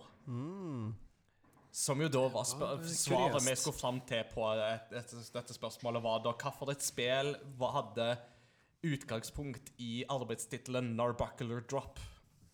Veldig kult. Jeg, har lest eh, om, om det der, men ifra en Buckler Drop-utvikleren sin side. Ja. Og de var, for de var studenter, tror jeg. ja. Og så hadde de blitt liksom invitert til Valve for å vise fram det prosjektet her. Og midt i presentasjonen så reiser Gabe Newell seg opp og bare Når kan jeg få begynne? Wow. Og det er liksom De er ikke ferdig med presentasjonen engang. Det er veldig tøft. Det her er gull. Wow. Det, Det det, tenk, det. Altså, det, det høres ikke så stort ut i dag, men eh, for de av oss som husker hvor store Valve var på 2000-tallet Ja, det var Eh, Powerhouse. Steik. Powerhouse til 1000, altså. Og hintet vi fikk, var at dette var et spill som sannsynligvis eh, 90% av salen hadde spilt og digga. Uh, så vi tippa Halo, uh, for vi hadde tenkt at en Narbuckler Det kunne høres ut som det var sånn drop ned liksom på en Halo-ring eller annet sånt. Så det var ikke et dumt tippa, men eh, det var dessverre ikke riktig, da. Cake is a lie.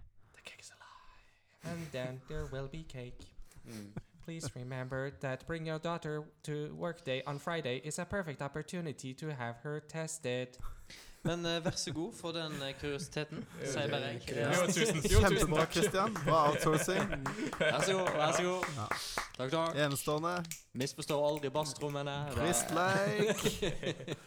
Med det så har vi kommet til siste ledd i vår uh, liturgi, som da er postludium. Og hva passer vel bedre enn å spørre en eh, yrkesaktiv prest om å velge postludium for oss? Så Kjetil, hva har du valgt for oss som på studio i dag? Det er jo veldig mye bra spillmusikk. Så Og- bra. Ja. Og det er eh, Ja, det er noe med enkelte Ja, enkelte verk, vil jeg si. For det er jo liksom store musikkverk, dette, som bare treffer meg gang på gang. Eh, men det aller beste minnet jeg kommer på fra på når spillmusikk har fått meg til å føle Ja, bare tatt meg med på en reise, da. Det er fra Super Mario Galaxy, da jeg spilte det på Wii for første gang. Eh, og da jeg kom til Gusty Gardens Galaxy. Ja Og jeg bare husker veldig godt da jeg kom inn til den galaksen første gang. Jeg husker jeg satt i stua til hjemme hos foreldrene mine på en gammel TV og en lånt Wii, uh, og hørte musikken, og så ble jeg bare stående der. Eller jeg ble sittende, og Mario ble stående. og så bare se på den der fantastiske verden med de her blomstene som flyr rundt omkring, og musikken som bare alle instrumentene, hvordan de kommer inn etter tur, og den der spanske gitarsoloen, og bare treffer deg rett i posen. Ja. Eh, og så når jeg begynner å spille, og du, du liksom henger deg i de her blomstene og flyr på sånne der vindstrømmer, og det er bare hele spillet er eh, Eller hele det brettet der Ja. er um, Apropos gaming som kunst, Ja. det er kunst, Det altså. er kunst på det aller, aller beste. Og det, en liten fun fact som jeg jo kan dele der om Super Mario Galaxy og musikken der, er jo det at det var jo første gangen eh, Nintendo faktisk brukte skikkelig orkestermusikk i et spill. Ja. Eh, For før det så hadde de bare på en måte digitalisert orkester og sånt, og de mente de at det å få til på en måte Hva skal vi si tak, altså, responsiv musikk eh, i forhold til hva du gjorde i spillene og sånt, var rett og slett for vanskelig å få til med orkestermusikk. Men med Wii og Super Mario Galaxy så fikk de faktisk det til. Mm, det, jo, mm. det skal òg nevnes at det er jo da ikke et Super Mario-soundtrack som Koji Kondo komponerte alene, selv om han jo var med på det. Eh, men han hadde med seg Mahito Yokota, kan eh, Wikipedia fortelle meg. Mm. Eh, Som jeg egentlig burde vite, fordi at jeg har soundtracket på Ja, og hører på det så ofte. Kjempekoselig. Mm. Nice. All right. Med det så tror jeg vi sier takk for uh, denne gangen. Tusen takk til deg, Kjetil, at du tok deg tid mens du var her i Oslo til å være med og besøke oss. Takk for at vi kom. Ja, det var stas. Kjempestas. Jeg håper du anbefaler oss til alle konfirmantene og til alle eh, På alle eldretreff du måtte være på, og Ja, i enhver dåp. At du eh, alltid spør hva hva heter barnet. Skal barnet høre på Crossover Gaming? at du ikke gir deg du et svar. Jeg skal ta det opp med menighetsrådet. Ja, ta det opp med menighetsrådet. Jeg, jeg synes at i den kommende kunngjørings... eh, den ekte kunngjøringen, holdt jeg på å si, i, i nest, på neste gudstjeneste, så kan du godt liksom si at ja, så har jeg vært gjest, i en podkastepisode. Nei, det er ikke sånn du snakker. Jeg har vært gjest i en podkastepisode. Du kan nevne det på den der greia du skal snakke om eh, på i oktober, da. Da, Ja. da kan det Ja, ja, ja, men det, det tenkte jeg Ja. Det, det må du gjøre. Eh, Det blir vi veldig glad for. Skal man følge godt med på lyttertallet, som da Ja. ikke akkurat da. Men det piker, på Vestlandet. Ja, Ja. ikke sant. Serverne våre går under. Vi bare plugger nok en gang 17. oktober eh, på NLA Mediehøgskolen Gimlekollen. Da kommer jeg og Kristian til å være til stede og snakke om litt forskjellige spillrelaterte tema på en fagdag som skal være der. Eh, bare google det, så finner du det. Alternativt så kan du gå på vår Facebook-side, så finner du òg lenker til eventen der. Hvis du ikke har likt Facebook-sida vår, så gjør gjerne det. Vi er òg på Instagram under Cogpodkast. Og eh, mer enn det, ja. Og når det gjelder podkasten vår, når du skal anbefale den, så kan folk høre den der de vil. Eh, Soundcloud, iTunes, Spotify og overalt der podder kastes. Med det så vil vi egentlig bare si tusen takk for at du hørte på denne gangen òg. Husk å anbefale oss til kjente og kjære, og vi snakkes ved neste korsvei. Ha det bra! Adios. Ha det bra. Biblioteca? Propaganda is useless.